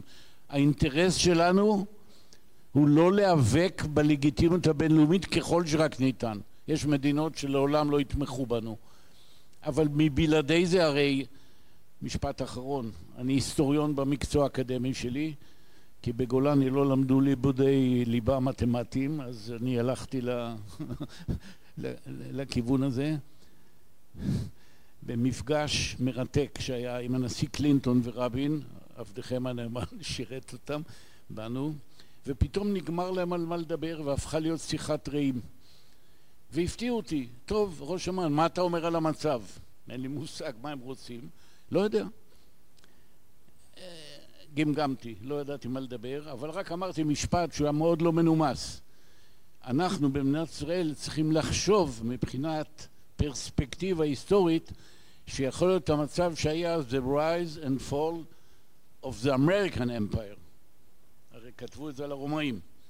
יום אחד ארצות הברית אולי לא תהיה השלטת המגינה על ישראל, ואם לא נעגון את זה בעוד עוגנים בינלאומיים, מצבנו ביש.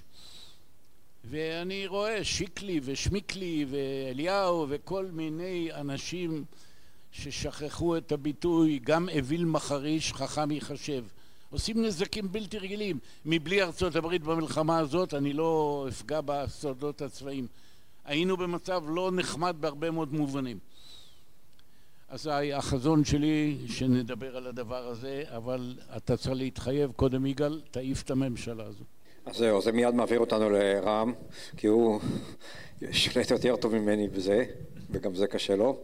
כן, רם, עניין החזון, ואחר כך עוד נחזור לפרקטיקה, לפני שנעביר את המיקרופון לקהל.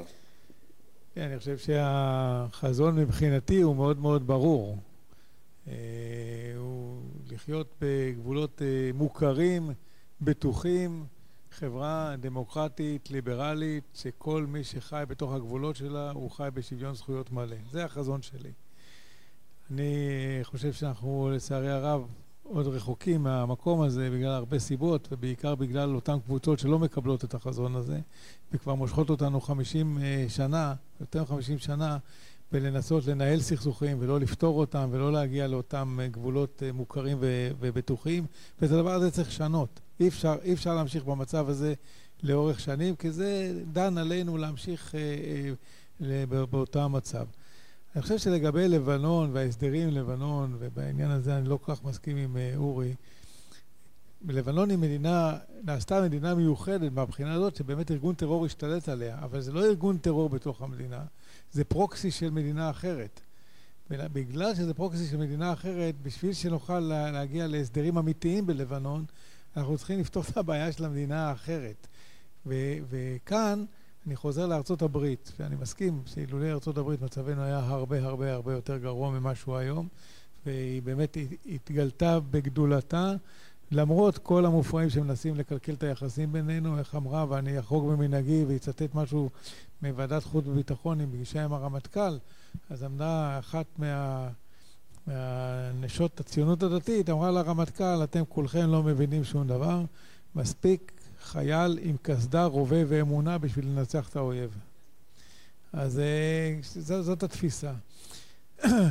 ואני חושב שאנחנו צריכים להיות בשיח צמוד מאוד עם ארצות הברית, גם להבין את מה שהם אומרים, שלדעתי זה גם אינטרס ישראלי, וביחד עם החיבורים הבאמת פנטסטיים שקרו לנו בתקופה האחרונה עם השלום שיש לנו עם מדינות, עם מדינות המפרץ ועם מרוקו, ואם נצליח להגיע לזה גם עם סעודיה, באמת אפשר להגיע, באמת אפשר להגיע לחזון הזה סוף סוף, גם עם הפלסטינים, וגם בסיפור הזה גם לפתור או, או לצמצם את, ה, את ההשפעה האיראנית על האזור, ואז גם בלבנון אפשר יהיה להגיע למשהו. כי לבנון, כל הסכם שתגיע איתה היום, כשאיראן נמצאת בעמדת כוח שהיא נמצאת היום, באינטרסים שלה של היום, זה בפקודה אחת של האיראנים, וכל הסיפור הזה משתנה לטובת האינטרס האיראני, כי הם הקימו אותם בשביל זה.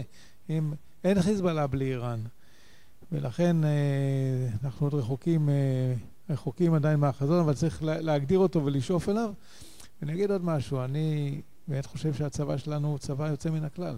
אני חושב שאחרי שהוא התעשת בשמיני לאוקטובר והתארגן, הוא עושה ביצועים, אנחנו כולנו גאים בהם. היום היה יום הוקרה למילואימניקים בכנסת, שאנחנו, המפלגה שלנו, ארגנו. תשמע, זה, זה לא רק האנשים שנלחמים. המילואימניקים זה גם האנשים שמקיימים את המדינה הזאת בעסקים העצמאיים, בחינוך, בתרבות, ב, ב, ב, בכל מקום. זה, השני אחוז האלה, זה הבסיס של המדינה הזאת, הכל על הכתפיים שלהם, המלחמה והכלכלה והכל על הכתפיים שלהם, וזה מה שמעורר את התקווה. אה, ואני חושב שאנחנו צריכים אה, הנהגה אחרת.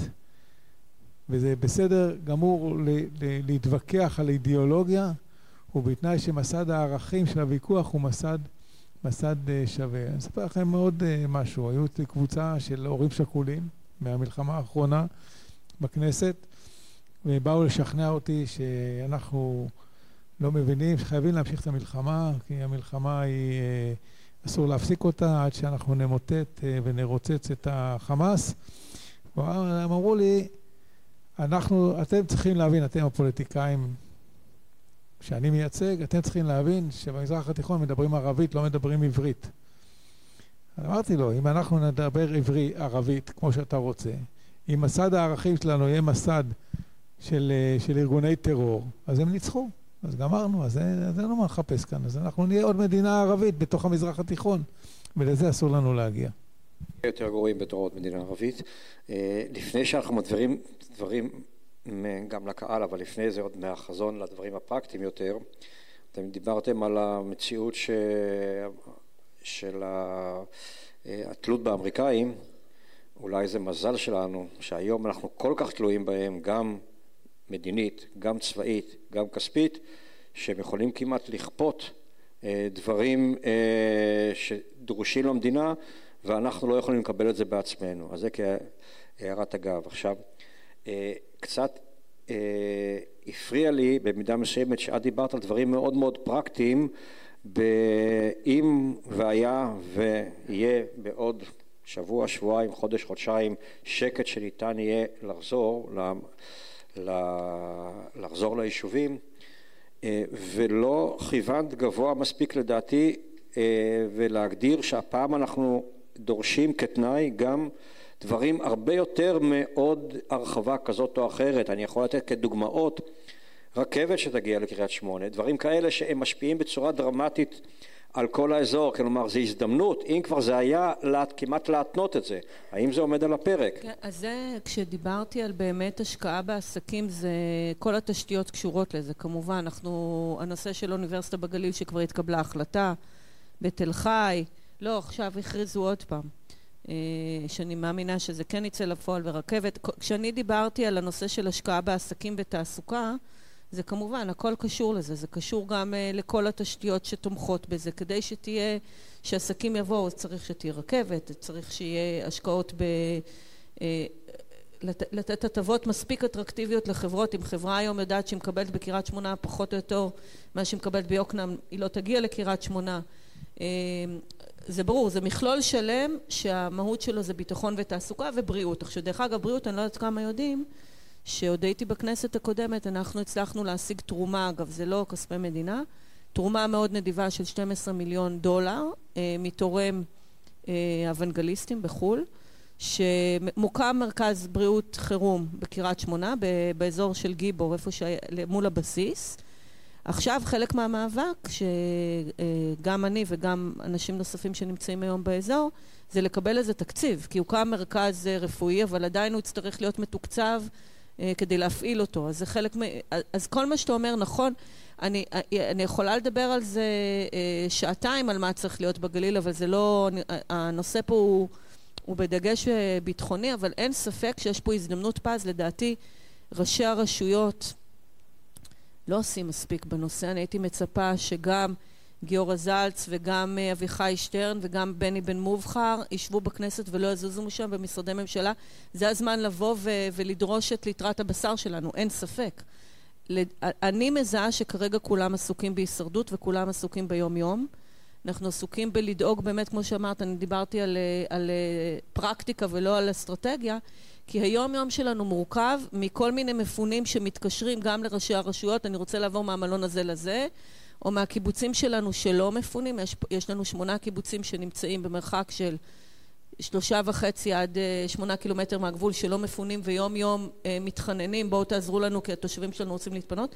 אתה צודק לא מגיעים ל, ל, לדבר לארוך הטווח שהוא בואו בוא נראה איך אנחנו מכירים את האזור איך אנחנו אה, אה, הופכים את האזור הזה גם אצלנו וגם בעוטף עזה למקומות הכי מבוקשים בארץ כי כולם עוד נורא עסוקים בהישרדות ובמה יהיה מחר. אנחנו uh, נפתח את זה לשאלות מהקהל, אני אשאיר פה את המיקרופון ואת המיקרופון הנייד נעביר בין אנשים אז uh, כן, השארתי מספיק זמן אני מקווה שתוכלו לשאול את השאלות. כן. טוב, השאלה מופנית כנראה שהרמקול לא מספיק חזק. השאלה מופנית לפחות אל שניים מיושבים כאן, רם שהוא חבר כנסת וענבר שהיא מהגליל ולפחות אל שניים שאני זיהיתי כאן מתוך המפונים אבל בטח יש יותר. אה, אני חושב שעשיתם טעות חמורה בכך שאפשרתם לממשלה זמן בלתי מוגבל. תפתרו את הבעיות שלכם, אנחנו מחכים בסבלנות. תנקו לנו את הצפון, זה נכון גם לגבי הדרום, קחו כמה, כמה זמן שאתם רוצים, אנחנו נחכה, תפתרו את הבעיות. ואני חושב שזה משחק לידי הממשלה, והממשלה יכולה למשוך את זה ככה, שום דבר לא לוחץ עליה, שום דבר לא מאיץ בה, יש להם זמן, הם ימשכו את זה כמה זמן שרק יתחשק להם. ואני אומר הפוך, אתם תגידו אנחנו בעוד חצי שנה, בעוד שישה חודשים, בעוד תשעה חודשים, אנחנו חוזרים, עכשיו תנקו לנו, תכינו לנו את, את, את התנאים. זה אחד. הדבר השני זה לאנשים מתחום הביטחון, לפחות שניים כאלה יושבים כאן. ביום שיחזרו בחזרה, אני חושב שאחת הפעולות שיכולה לתת ביטחון לאנשים, להחזיר בחזרה את גרעיני הנחל שיבצעו שנה מתוך השלוש בתוך היישובים, לא דבר גדול לעשות את זה. גם הפרופילניקים יכולים לשמש בזה והם חומר מצוין, אנשים ישבו שם, הם מכירים את המקום. במשך שנה מהשירות שלהם, אני חושב שזו תחושת ביטחון ועיבוי והצערה של היישובים. אני יודעת לא שהתנועה הקיבוצית... לא היה סימן שאלה פה, אבל אפשר להתייחס. כן, אני יודעת שהתנועה הקיבוצית על זה. שהתנועה הקיבוצית על זה, על אה, להקים מחדש את כל נושא ההתיישבות. מה? גם בכנסת מדברים כן. אני אגב, אני בת של... כן, אני בת של שני בני גרעין שהכירו בגבעת חביבה וכך אה, אימא שלי הייתה בגרעין בדן ואבא שלי בגרעין ביד מרדכי. אה, אני מאוד מסכימה עם זה, הנושא של גרעיני נחל, ואגב זה אם אנחנו רוצים לשמור על הצביון של ההתיישבות שלנו, אני מדברת על הגליל כי אני פגשתי פה בכניסה, אני יודעת שיש פה חבר'ה מאמיר ומשמיר מהגליל העליון, אז אם אנחנו רוצים לשמור על צביון המועצה שלנו, אנחנו חייבים לעשות את זה, כי אם אנחנו לא נביא את הגרעינים של הנוער עובד, שומר צעיר מחנות עולים, פשוט יגיעו לשם הגרעינים של הציונות הדתית, שזה יכול מאוד להשפיע על הצביון היישובים שלנו. אני, אני לא עד הסוף ירדתי לסוף דעתך כשאתה אמרת אנחנו צריכים לבוא ולהציב לממשלה תנאי מתי אנחנו חוזרים. אני יכולה להגיד לך שיש על זה עכשיו ויכוח פנימי בתוך המועצה. אה, גיורא ראש המועצה אגב אה, אומר ומספר לתושבים שמרץ אפריל אנחנו חוזרים. זאת אומרת זה, זה כבר אמירה, כבר הצבת מטרה, מרץ אפריל חוזרים. ומצד שני אני ישבתי שבוע שעבר עם, uh, בוועדת הפנים ביחד עם uh, פורום uh, קו העימות וישב שם אלוף, מישהו מפיקוד צפון, לא זוכר בדיוק מה היה תפקידו, והוא אמר חוזרים בספטמבר. זאת אומרת יש פער מאוד גדול בין מה שאנחנו מכוונים מטרה להחזיר את האנשים במרץ אפריל לבין מה שהצבא אומר שזה ספטמבר. אני חייבת להגיד לך שאני מאוד חצויה בהיבט הזה כי מצד אחד הרבה הרבה אומרים את זה שזאת הייתה טעות לפנות את התושבים כי אנחנו בעצם שידרנו איזה סוג של פחד. זה גם פעם ראשונה מאז אה, מלחמת השחרור אם אני, אם אני, אם אני הבנתי נכון שלא פינו יישובים. את דן לא פינו כשאני הייתי ילדה לא פינו. דן פונתה פעם אחרונה במלחמת השחרור. זאת אומרת היה בזה צעד מאוד מאוד חריג של הממשלה וזה שידר לצד השני הנה עכשיו הצפון ריק אתם יכולים לראות הכל בסדר ומצד שני יש פה אחריות נורא גדולה שאני יכולה להגיד לך שהצבא פיקוד העורף נתן לנו הנחיה לפתוח את הבתי ספר שהם במרחק של אה, מעל חמישה קילומטר. זאת אומרת ערב, אה, לא ערב הגיא סליחה. עמק החולה ועינות ירדן פועלים. עינות ירדן באמיר עמק החולה בכפר בלום. אני שואלת את עצמי מזל שאני כבר לא גרה שם כן? כי אם, אם אני הייתי גרה שם אני שואלת את עצמי אם הייתי מעלה את הילדים שלי על אוטובוס. אם הייתי עכשיו תושבת כפר סולד או שמיר, הייתי מוכנה שהילדים שלי יעלו כל יום על אוטובוס בדרך לעינות ירדן, בידיעה שהם ב, ב, ב, בשלב הזה שהם באוטובוס הם חשופים, וגם בתוך הבית ספר, נכון שהבתי ספר האלה יש להם ממ"דים, אבל זמן ההגעה לממ"ד הוא אפס שניות, אז זה נורא קל לבוא ולהגיד לממשלה, אנחנו מחזירים את התושבים. אני לא יודעת להגיד לך אם אני, אם הייתי היום תושבת הגליל העליון עם ילדים, הייתי מוכנה לחזור ב, בסיטואציה הנוכחית.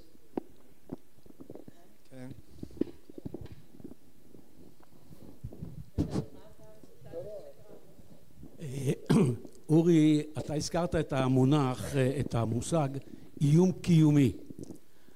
ותקן אותי אם אני טועה כשאני אומר איום קיומי, בדגש על קיומי, זה לא חיזבאללה ולא החמאס אלא כמו שאתה אמרת הוורטיגו בתא הטייס. מה, מה האיום הקיומי משלושת אלה? חמאס, חיזבאללה והוורטיגו בקוקפיט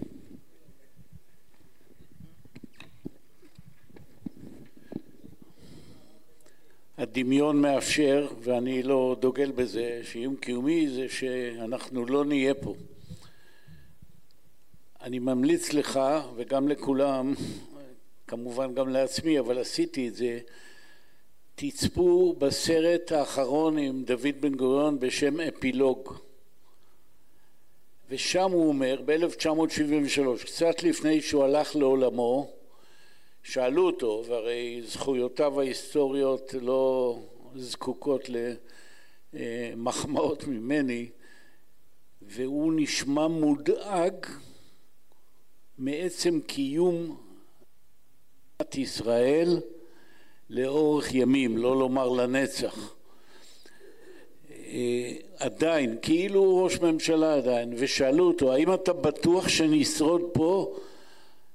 הוא אומר אינני יודע אבל זה תלוי בעיקר בנו.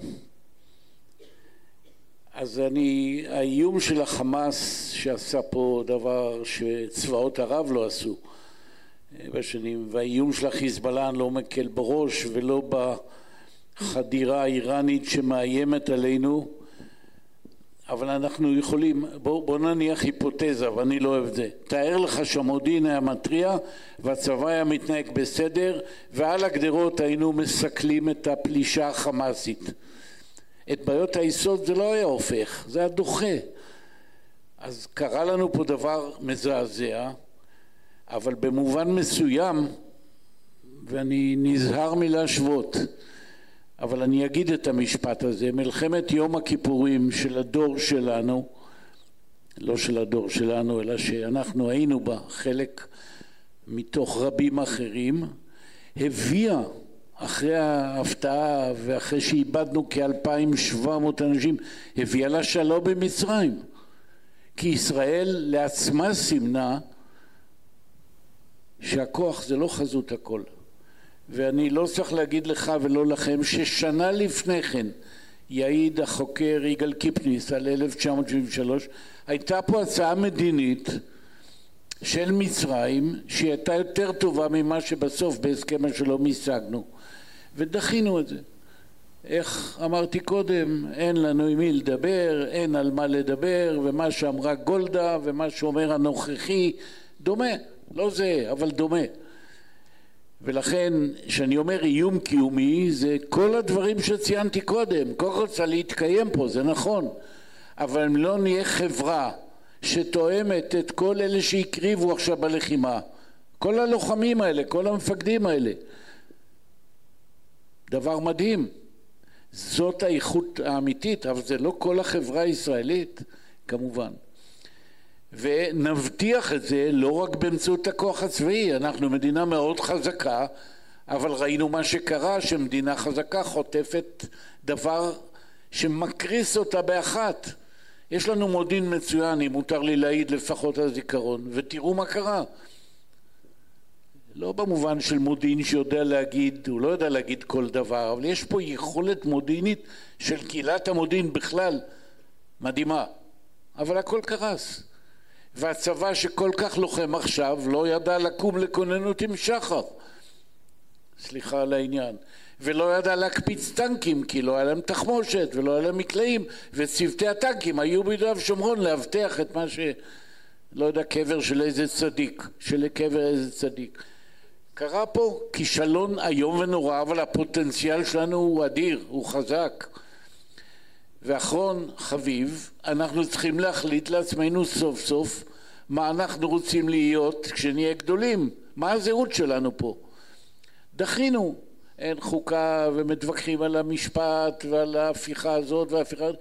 עכשיו מצב משברי כזה מוליד יכולת לא בהכרח יקרה, אבל מוליד יכולת אם מתעשתים כל הכוחות הרלוונטיים, יש לי כאלה שאין לי אשליה מהם, את בן גביר אני לא רוצה, אם, אם לזה אתה מתרגם את הדברים שלי, אבל המפלגה של רע"מ והאנשים האחרים, ציונים מהמעלה הראשונה, רוצים את טובת המדינה, תרמו בעבר, רוצים לתרום גם בעתיד, ו...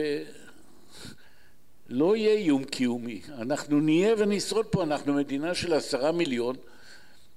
חזקה, עם פוטנציאל אדיר, שחטפה, איך אומרים, חטפה בומבה. ואנחנו צריכים להתאושש מזה, אני יודע, קל לי להגיד את זה מהצד. אה, אה, לא לכל הדברים יש לי תשובה, אבל אני יודע שאנחנו ובנינו ונכדינו ימשיכו לנסות לשאת את המסע הזה. אגב, אני לא אוהב את הביטוי שלעיתים משתמשים, תיכנסו מתחת לאלונקה. בשבילי אלונקה זה רק לפצועים. משהו, סליחה שאני, אני לא אוהב את הביטוי הזה. זה כאחד שסחב וסחבו גם אותו, זה שמור לדבר אחר. אני, אסוציאציה לא, לא הכי נחמדה, אבל באופן עקרוני, תראו פה, תראו בצפון, מה, תראו איזה יישובים מדהימים היו, תראו מה... חזון בן גוריון התגשם בכל כך הרבה מקומות, בכל כך הרבה דברים. כל יישובי קו העימות בלבנון, אני זוכר מה היה בהתחלה. והם הגיעו עם כל המגבלות הביטחוניות כמובן. תראו את ההצלחה של חבל לכיש ותראו, לא חשוב, כל מיני דברים שהתנועה הציונית עם כל הכוחות שלה עשתה. אני מאמין גדול בכוח שלנו וצריך יהיה לשאת משפט אחרון, אני לא אוהב ששואלים גם אותי, מהי תמונת הניצחון בעיניך? אני לא יודע על מה מדברים בתמונת ניצחון. לגבי דידי, אחרי המשבר הנורא ואחרי מה שספגנו, אם לא ישוקם עוטף עזה וגבול הצפון ויתפתח, עיין ערך גולדקנופ וכל מיני כאלה, אני מתפלא שהוא הגיע לכם, לא בטוח שהוא יודע איפה זה, לא? אבל הוא הגיע. בסדר.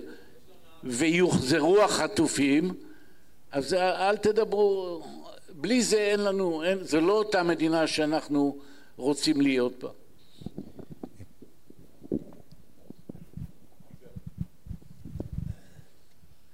אה, אני מפונה מהצפון, ראש הנקרה, ואני את החזון כרגע משאיר בצד. אני מתקשה לשמוע אותך. אני את החזון כרגע משאיר בצד.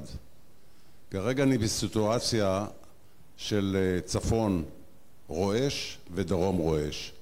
והשאלה שלי אליך, אה, אורי, אילו היית היום שר ביטחון או ראש ממשלה, מה אתה היית עושה בגבול הצפון?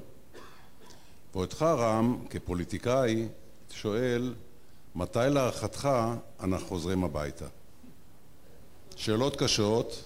השאלה השנייה לא שמעתי. מתי להערכתך אנחנו חוזרים הביתה? שאלות קשות, אבל זו המציאות.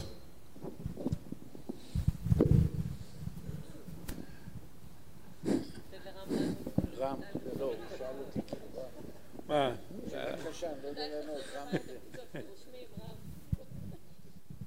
הוא אמר שאלה קשה. מה אורי היה עושה בתור אה, שר ביטחון, עוד מעט הוא יגיד. אה, מתי חוזרים אה, הביתה? אני חושב שאחרי שיהיה הסכם, או לפני או אחרי הפעלת כוח, שאפשר יהיה לחיות איתו, ושכוחות צבא נמצאים בתוך, על הגבול בצורה הרבה הרבה יותר מסיבית ממה שהם היו עד היום.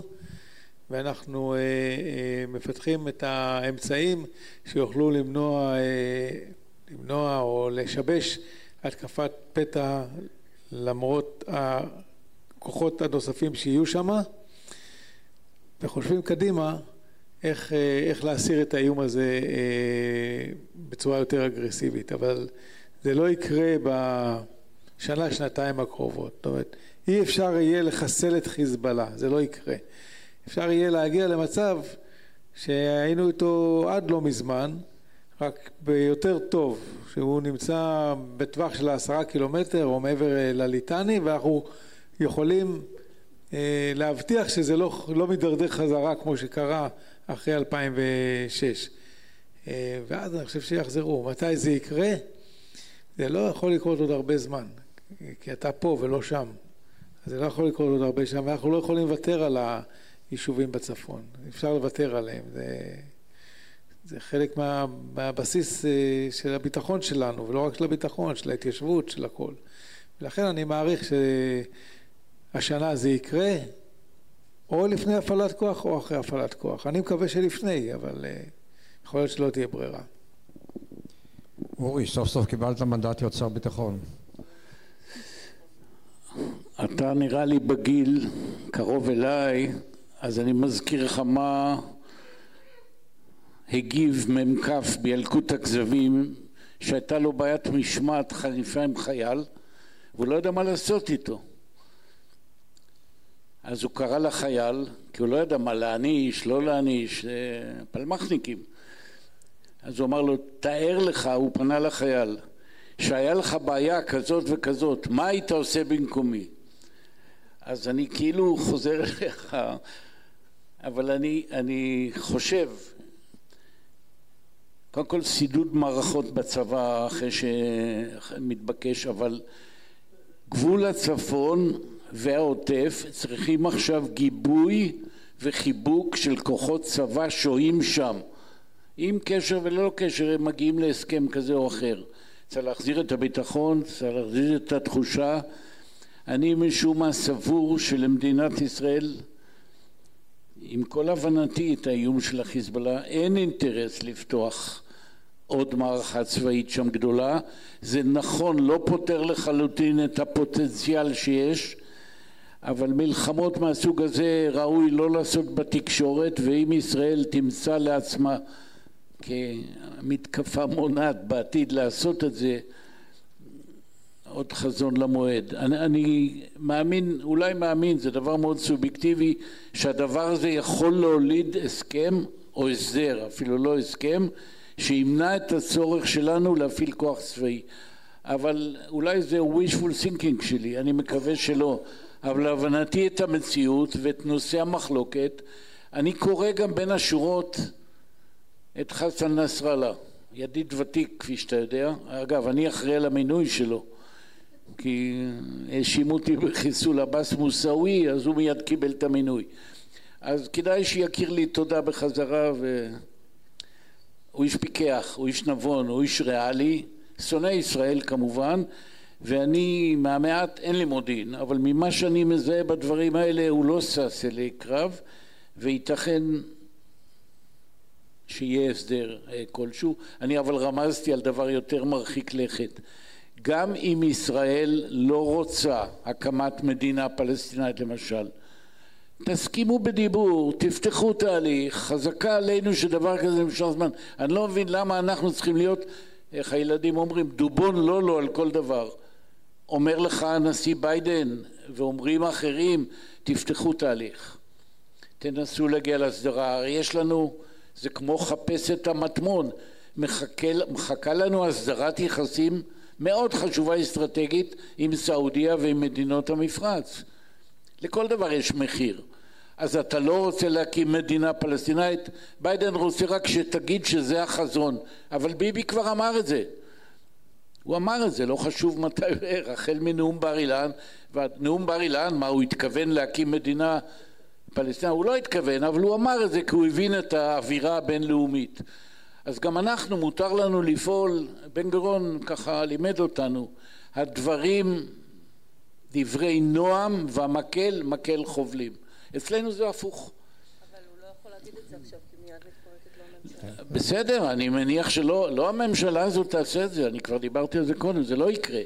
זה לא יקרה, הוא לא יעשה את זה, הוא... הוא מבחינתי לא הוא יכול לעשות את הדברים האלה ו... אני, אני מניח הנחה שאחרי, תוך כמה חודשים, בין אם יחזרו מילואימניקים ואנשים כועסים וזה, הממשלה הזאת תצטרך ללכת. כרגע עוד לא רואים לזה סימנים, אבל היא תצטרך ללכת. היא לא מסוגלת להביא את התיקון. יש סברה שהיא אולי גם לא רוצה, אבל זה כבר פרשנות אחרת. טוב, אני מאוד ל... מחשיב, כן, אם יש. אפשר משפט אחד מאוד ערכי, אה, על הגרעיני נחל, מי שדיבר פה. יותר מזה, אולי רעיון לחשוב עליו, יש קרוב ל-120 מכינות קדם צבאיות. עבדך הנאמן הקים אחת מהן ולימדתי שם, וזה, קחו אותם עם השנות שירות של כולם, ושכולם ילכו גם ליישובי העוטף וגם ליישובי קו העימות, שיבלו שנה. זה בעיה ארגונית קלה, זה אחריות של משרד הביטחון ומשרד החינוך. אז משרד הביטחון, יש תקשורת איתו, משרד החינוך אינני יודע, נחל, אז הוא לוחם, הוא עם נשק. נכון. אני התכוונתי קודם כל להביא את התנועה, את האנשים שבאו מהתנועות האידיאולוגיות, כי במכינות יש גם לא מעט ציונות דתית, אני לא יודעת אם הם אלה שאנחנו רוצים בקיבוצים שלנו. אה, אז הם ילכו לסעד, אז הם ילכו לסעד והם ילכו להלומים. אפשר למצוא לזה פתרון, והרוב זה נוער נפלא. כן, אורי, בוא, יש לנו זמן לעוד שאלה אחת. זה עדיין לא עבירה לשאת כיפה על הראש. לא, להפך, כן. אני אומרת, זה נוער נהדר. אורי, יש לנו זמן לעוד שאלה אחת, אז העניין הנקודתי הזה, המעשי מאוד, נשאיר.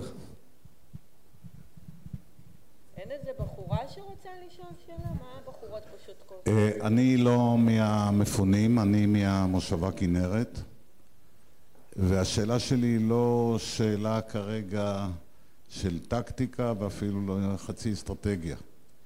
אני אגיד איזו אמירה ואני אשאל את השאלה כדי שגם הציבור שנמצא פה ייקח, ייתן, ייתן את דעתו העניין. יש שלושה מרכיבים שמגדירים מדינה מודרנית מתפקדת. אחד זה היכולת שלה לשמור על הגבולות, שתיים, היכולת לקיים חוק וסדר בתוך המדינה, והשלישי, היכולת שלה, האפקטיבית, לגבות מיסים ולהקצות אותם אחר כך על פי קריטריונים ציבוריים רחבים. שלושת הפרמטרים האלה נמצאים במצב של קריסה מסיבות כאלה ואחרות ולא צריך להרחיב את הדיבור, אבל שלושתם את השמירה על הגבולות. אנחנו רואים את החוק והסדר, ראינו מה קורה פה, ההידרדרות בשנים האחרונות, ואת נושא גביית המיסים גם כולכם רואים ומכירים את החרפה והחורבן שקורה בנושא הזה. והשאלה אליכם ולציבור שיושב פה, מה להגיד לילדים, ולפי צבע השיער של הראשים פה, זה יותר להגיד לנכדים, לאור המציאות הדמוגרפית שמתפתחת פה, בואו נסתכל על המציאות בעין מפוקחת, ומה נגיד לאותם נכדים, להישאר או לזוז? אה, זו שאלה טובה לסיכום, אבל לתשובה קצרה מאוד, כי הזמן גם כן הוא פקטור פה, אז כל אחד מכם בקצרה.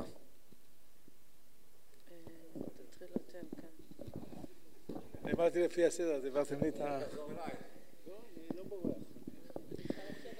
אני מסכים עם הניתוח שלך לגבי שלושת הנקודות שלא מתבצעות כמו שצריך כבר הרבה מאוד זמן וביתר שאת בזמן האחרון. אה, והניתוח הזה הוא, הוא לא ניתוח, הוא, אה, אתה פשוט תיארת את המציאות. והם דברים שהם חיוניים לקיום של מדינה.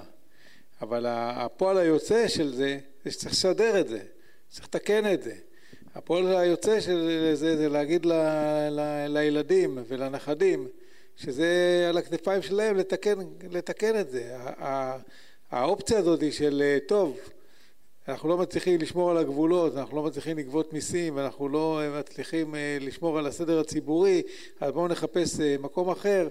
אני חושב שזה, אני גם לא מאמין שככה אתה חושב, אני חושב שזה לא הפתרון, מפני שלא, לא, אין, אחרי כל הדברים האלה אין יותר מקום שהוא יותר טוב ליהודים בעולם מאשר אה, מדינת ישראל. אנחנו רואים את זה לצערי הרב בעולם קורה כל הזמן. ואני באמת מסתכל על המלחמה הזאת ומסתכל על החיילים ועל המילואימניקים ואני משוכנע שאפשר לתקן את זה. אני משוכנע שאפשר לתקן את זה, אני חושב שאנחנו בתקלה היסטורית שקרה בגלל שנפלנו קורבן לנוכחי, אני משתמש בזה שלך, לנוכחי שעם הבעיות שלו, אני חושב שבית המשפט עשה טעות חמורה שהוא אפשר לו להתמודד לראשות הממשלה, זאת הייתה טעות, אבל אתה יודע, אנחנו עם בית המשפט תמיד, גם, כשהוא, גם כשאנחנו אוהבים וגם כשאנחנו לא אוהבים, והתפקיד שלנו זה לצאת לרחובות ובבחירות הבאות לדחוק אותם ככה ולתת תוצאה כזאת שהקיצונים לא ינהלו אותנו, הרי מי מנהל את המדינה היום? את המדינה היום מנהל סמוטריץ' ובן גביר, הם מנהלים את המדינה. זה זנב שמקשקש בכלב, אבל הוא הזנב. את הזנב הזה צריך לחתוך, צריך שיהיה, שיחזור להיות שוליים, אבל זה התפקיד שלנו. בסוף מדינה דמוקרטית, ואנחנו מדינה דמוקרטית, מתנהלת על אה, תוצאות של בחירות. ואנחנו צריכים, אחרי שנ... דרך אגב, אחרי שנזכה גם צריך לשנות את השיטה, צריך לעשות חוקה, צריך לשנות את, ה... את השיטה של הבחירות, אבל זה אתה יכול לעשות כשיש לך רוב. קודם כל אנחנו צריכים שיהיה לנו, למחנה השפוי, צריך שיהיה רוב, וזה התפקיד שלנו. המציאות הדמוגרפית, קודם כל תגיד לילדים להתחיל לעשות ילדים. המציאות הדמוגרפית יכולה להשת... אנחנו יכולים לדבר על זה. המציאות הדמוגרפית היא אכן בעייתית וגם זה משהו שאי אפשר להסכים אליו. אבל אתה רואה למשל הציבור הערבי הציבור הערבי במדינת ישראל הולך לכיוון הנכון מבחינה דמוגרפית. זאת אומרת הוא נעשה יותר ויותר אה, אה, משתכנז אה, או נעשה יותר דומה ליהודים מאשר לערבים. העוזר שלי, העוזר הפרלמנטרי שלי שהוא פה הוא, הוא בדואי הוא בא ממשפחה של לא יודע כמה ילדים, אבל הוא אמר לי, אני בשתיים, יש לו שניים, הוא אומר, אין סיכוי, אלא אם אשתי תעשה לי תרגיל, יהיה לנו שלושה. זאת אומרת, אה, הוא כמונו, והחרדים הם באמת בעיה, ואנחנו צריכים לדאוג שהחרדים, אה, לשנות שם את המצב, קודם כל אנחנו צריכים אותם. יש בכנסת, יש עכשיו בשנתיים האחרונות, הם הובילו קמפיין שלם, הצבא לא צריך את החרדים. צבא מספיק גדול, צריך צבא קטן ומקצועי, לא צריך את החרדים. אנחנו צריכים את החרדים, וכשהם, והם צריכים ללמוד לימודי ליבה, וגם הם לאט לאט יבינו שכלכלה זה דבר חשוב, אי אפשר לעשות 15 ילדים ולצפות לזה. תהליך שאנחנו צריכים לעשות אותו, אנחנו, אין לנו, גם אין לנו ברירה אחרת, מה, למה, מה נעשה? מה, נרים ידיים? זה לא אופציה. אמשיך את מה שרם אמר, אני אגיד משהו פסימי ואסיים במשהו אופטימי. הפסימי זה באמת שהמגמה שהציבור הולך ימינה. מאוד מאוד קשה להישאר אה, שמאלני ומאמין בשלום. אחרי השביעי באוקטובר, אני, אני רואה את זה בסביבה שלי, אני רואה את זה גם על עצמי, כמה פחות ופחות קל לי להיות סבלנית עם אה, אה, רק לפני שנתיים אספתי אוכל וציוד לילדים המסכנים בעזה, היום אני לא רואה את עצמי עושה את זה, ואם הייתי מעיזה לפרסם משהו כזה היו זורקים לי ביצים על הבית במקרה הטוב. זאת אומרת, הציבור הולך ימינה, אה, גם המגמות הדמוגרפיות הן אה, יותר ציבור דתי-לאומי וחרדי, זה הצד הפסימי. הצד האופטימי הוא שאנחנו עדיין רוב, ואנחנו רוב גדול. הבעיה שהציבור שלנו לא מגיע לקלפי באותם אחוזים ש... הציבור הדתי והחרדי מגיע לקלפי.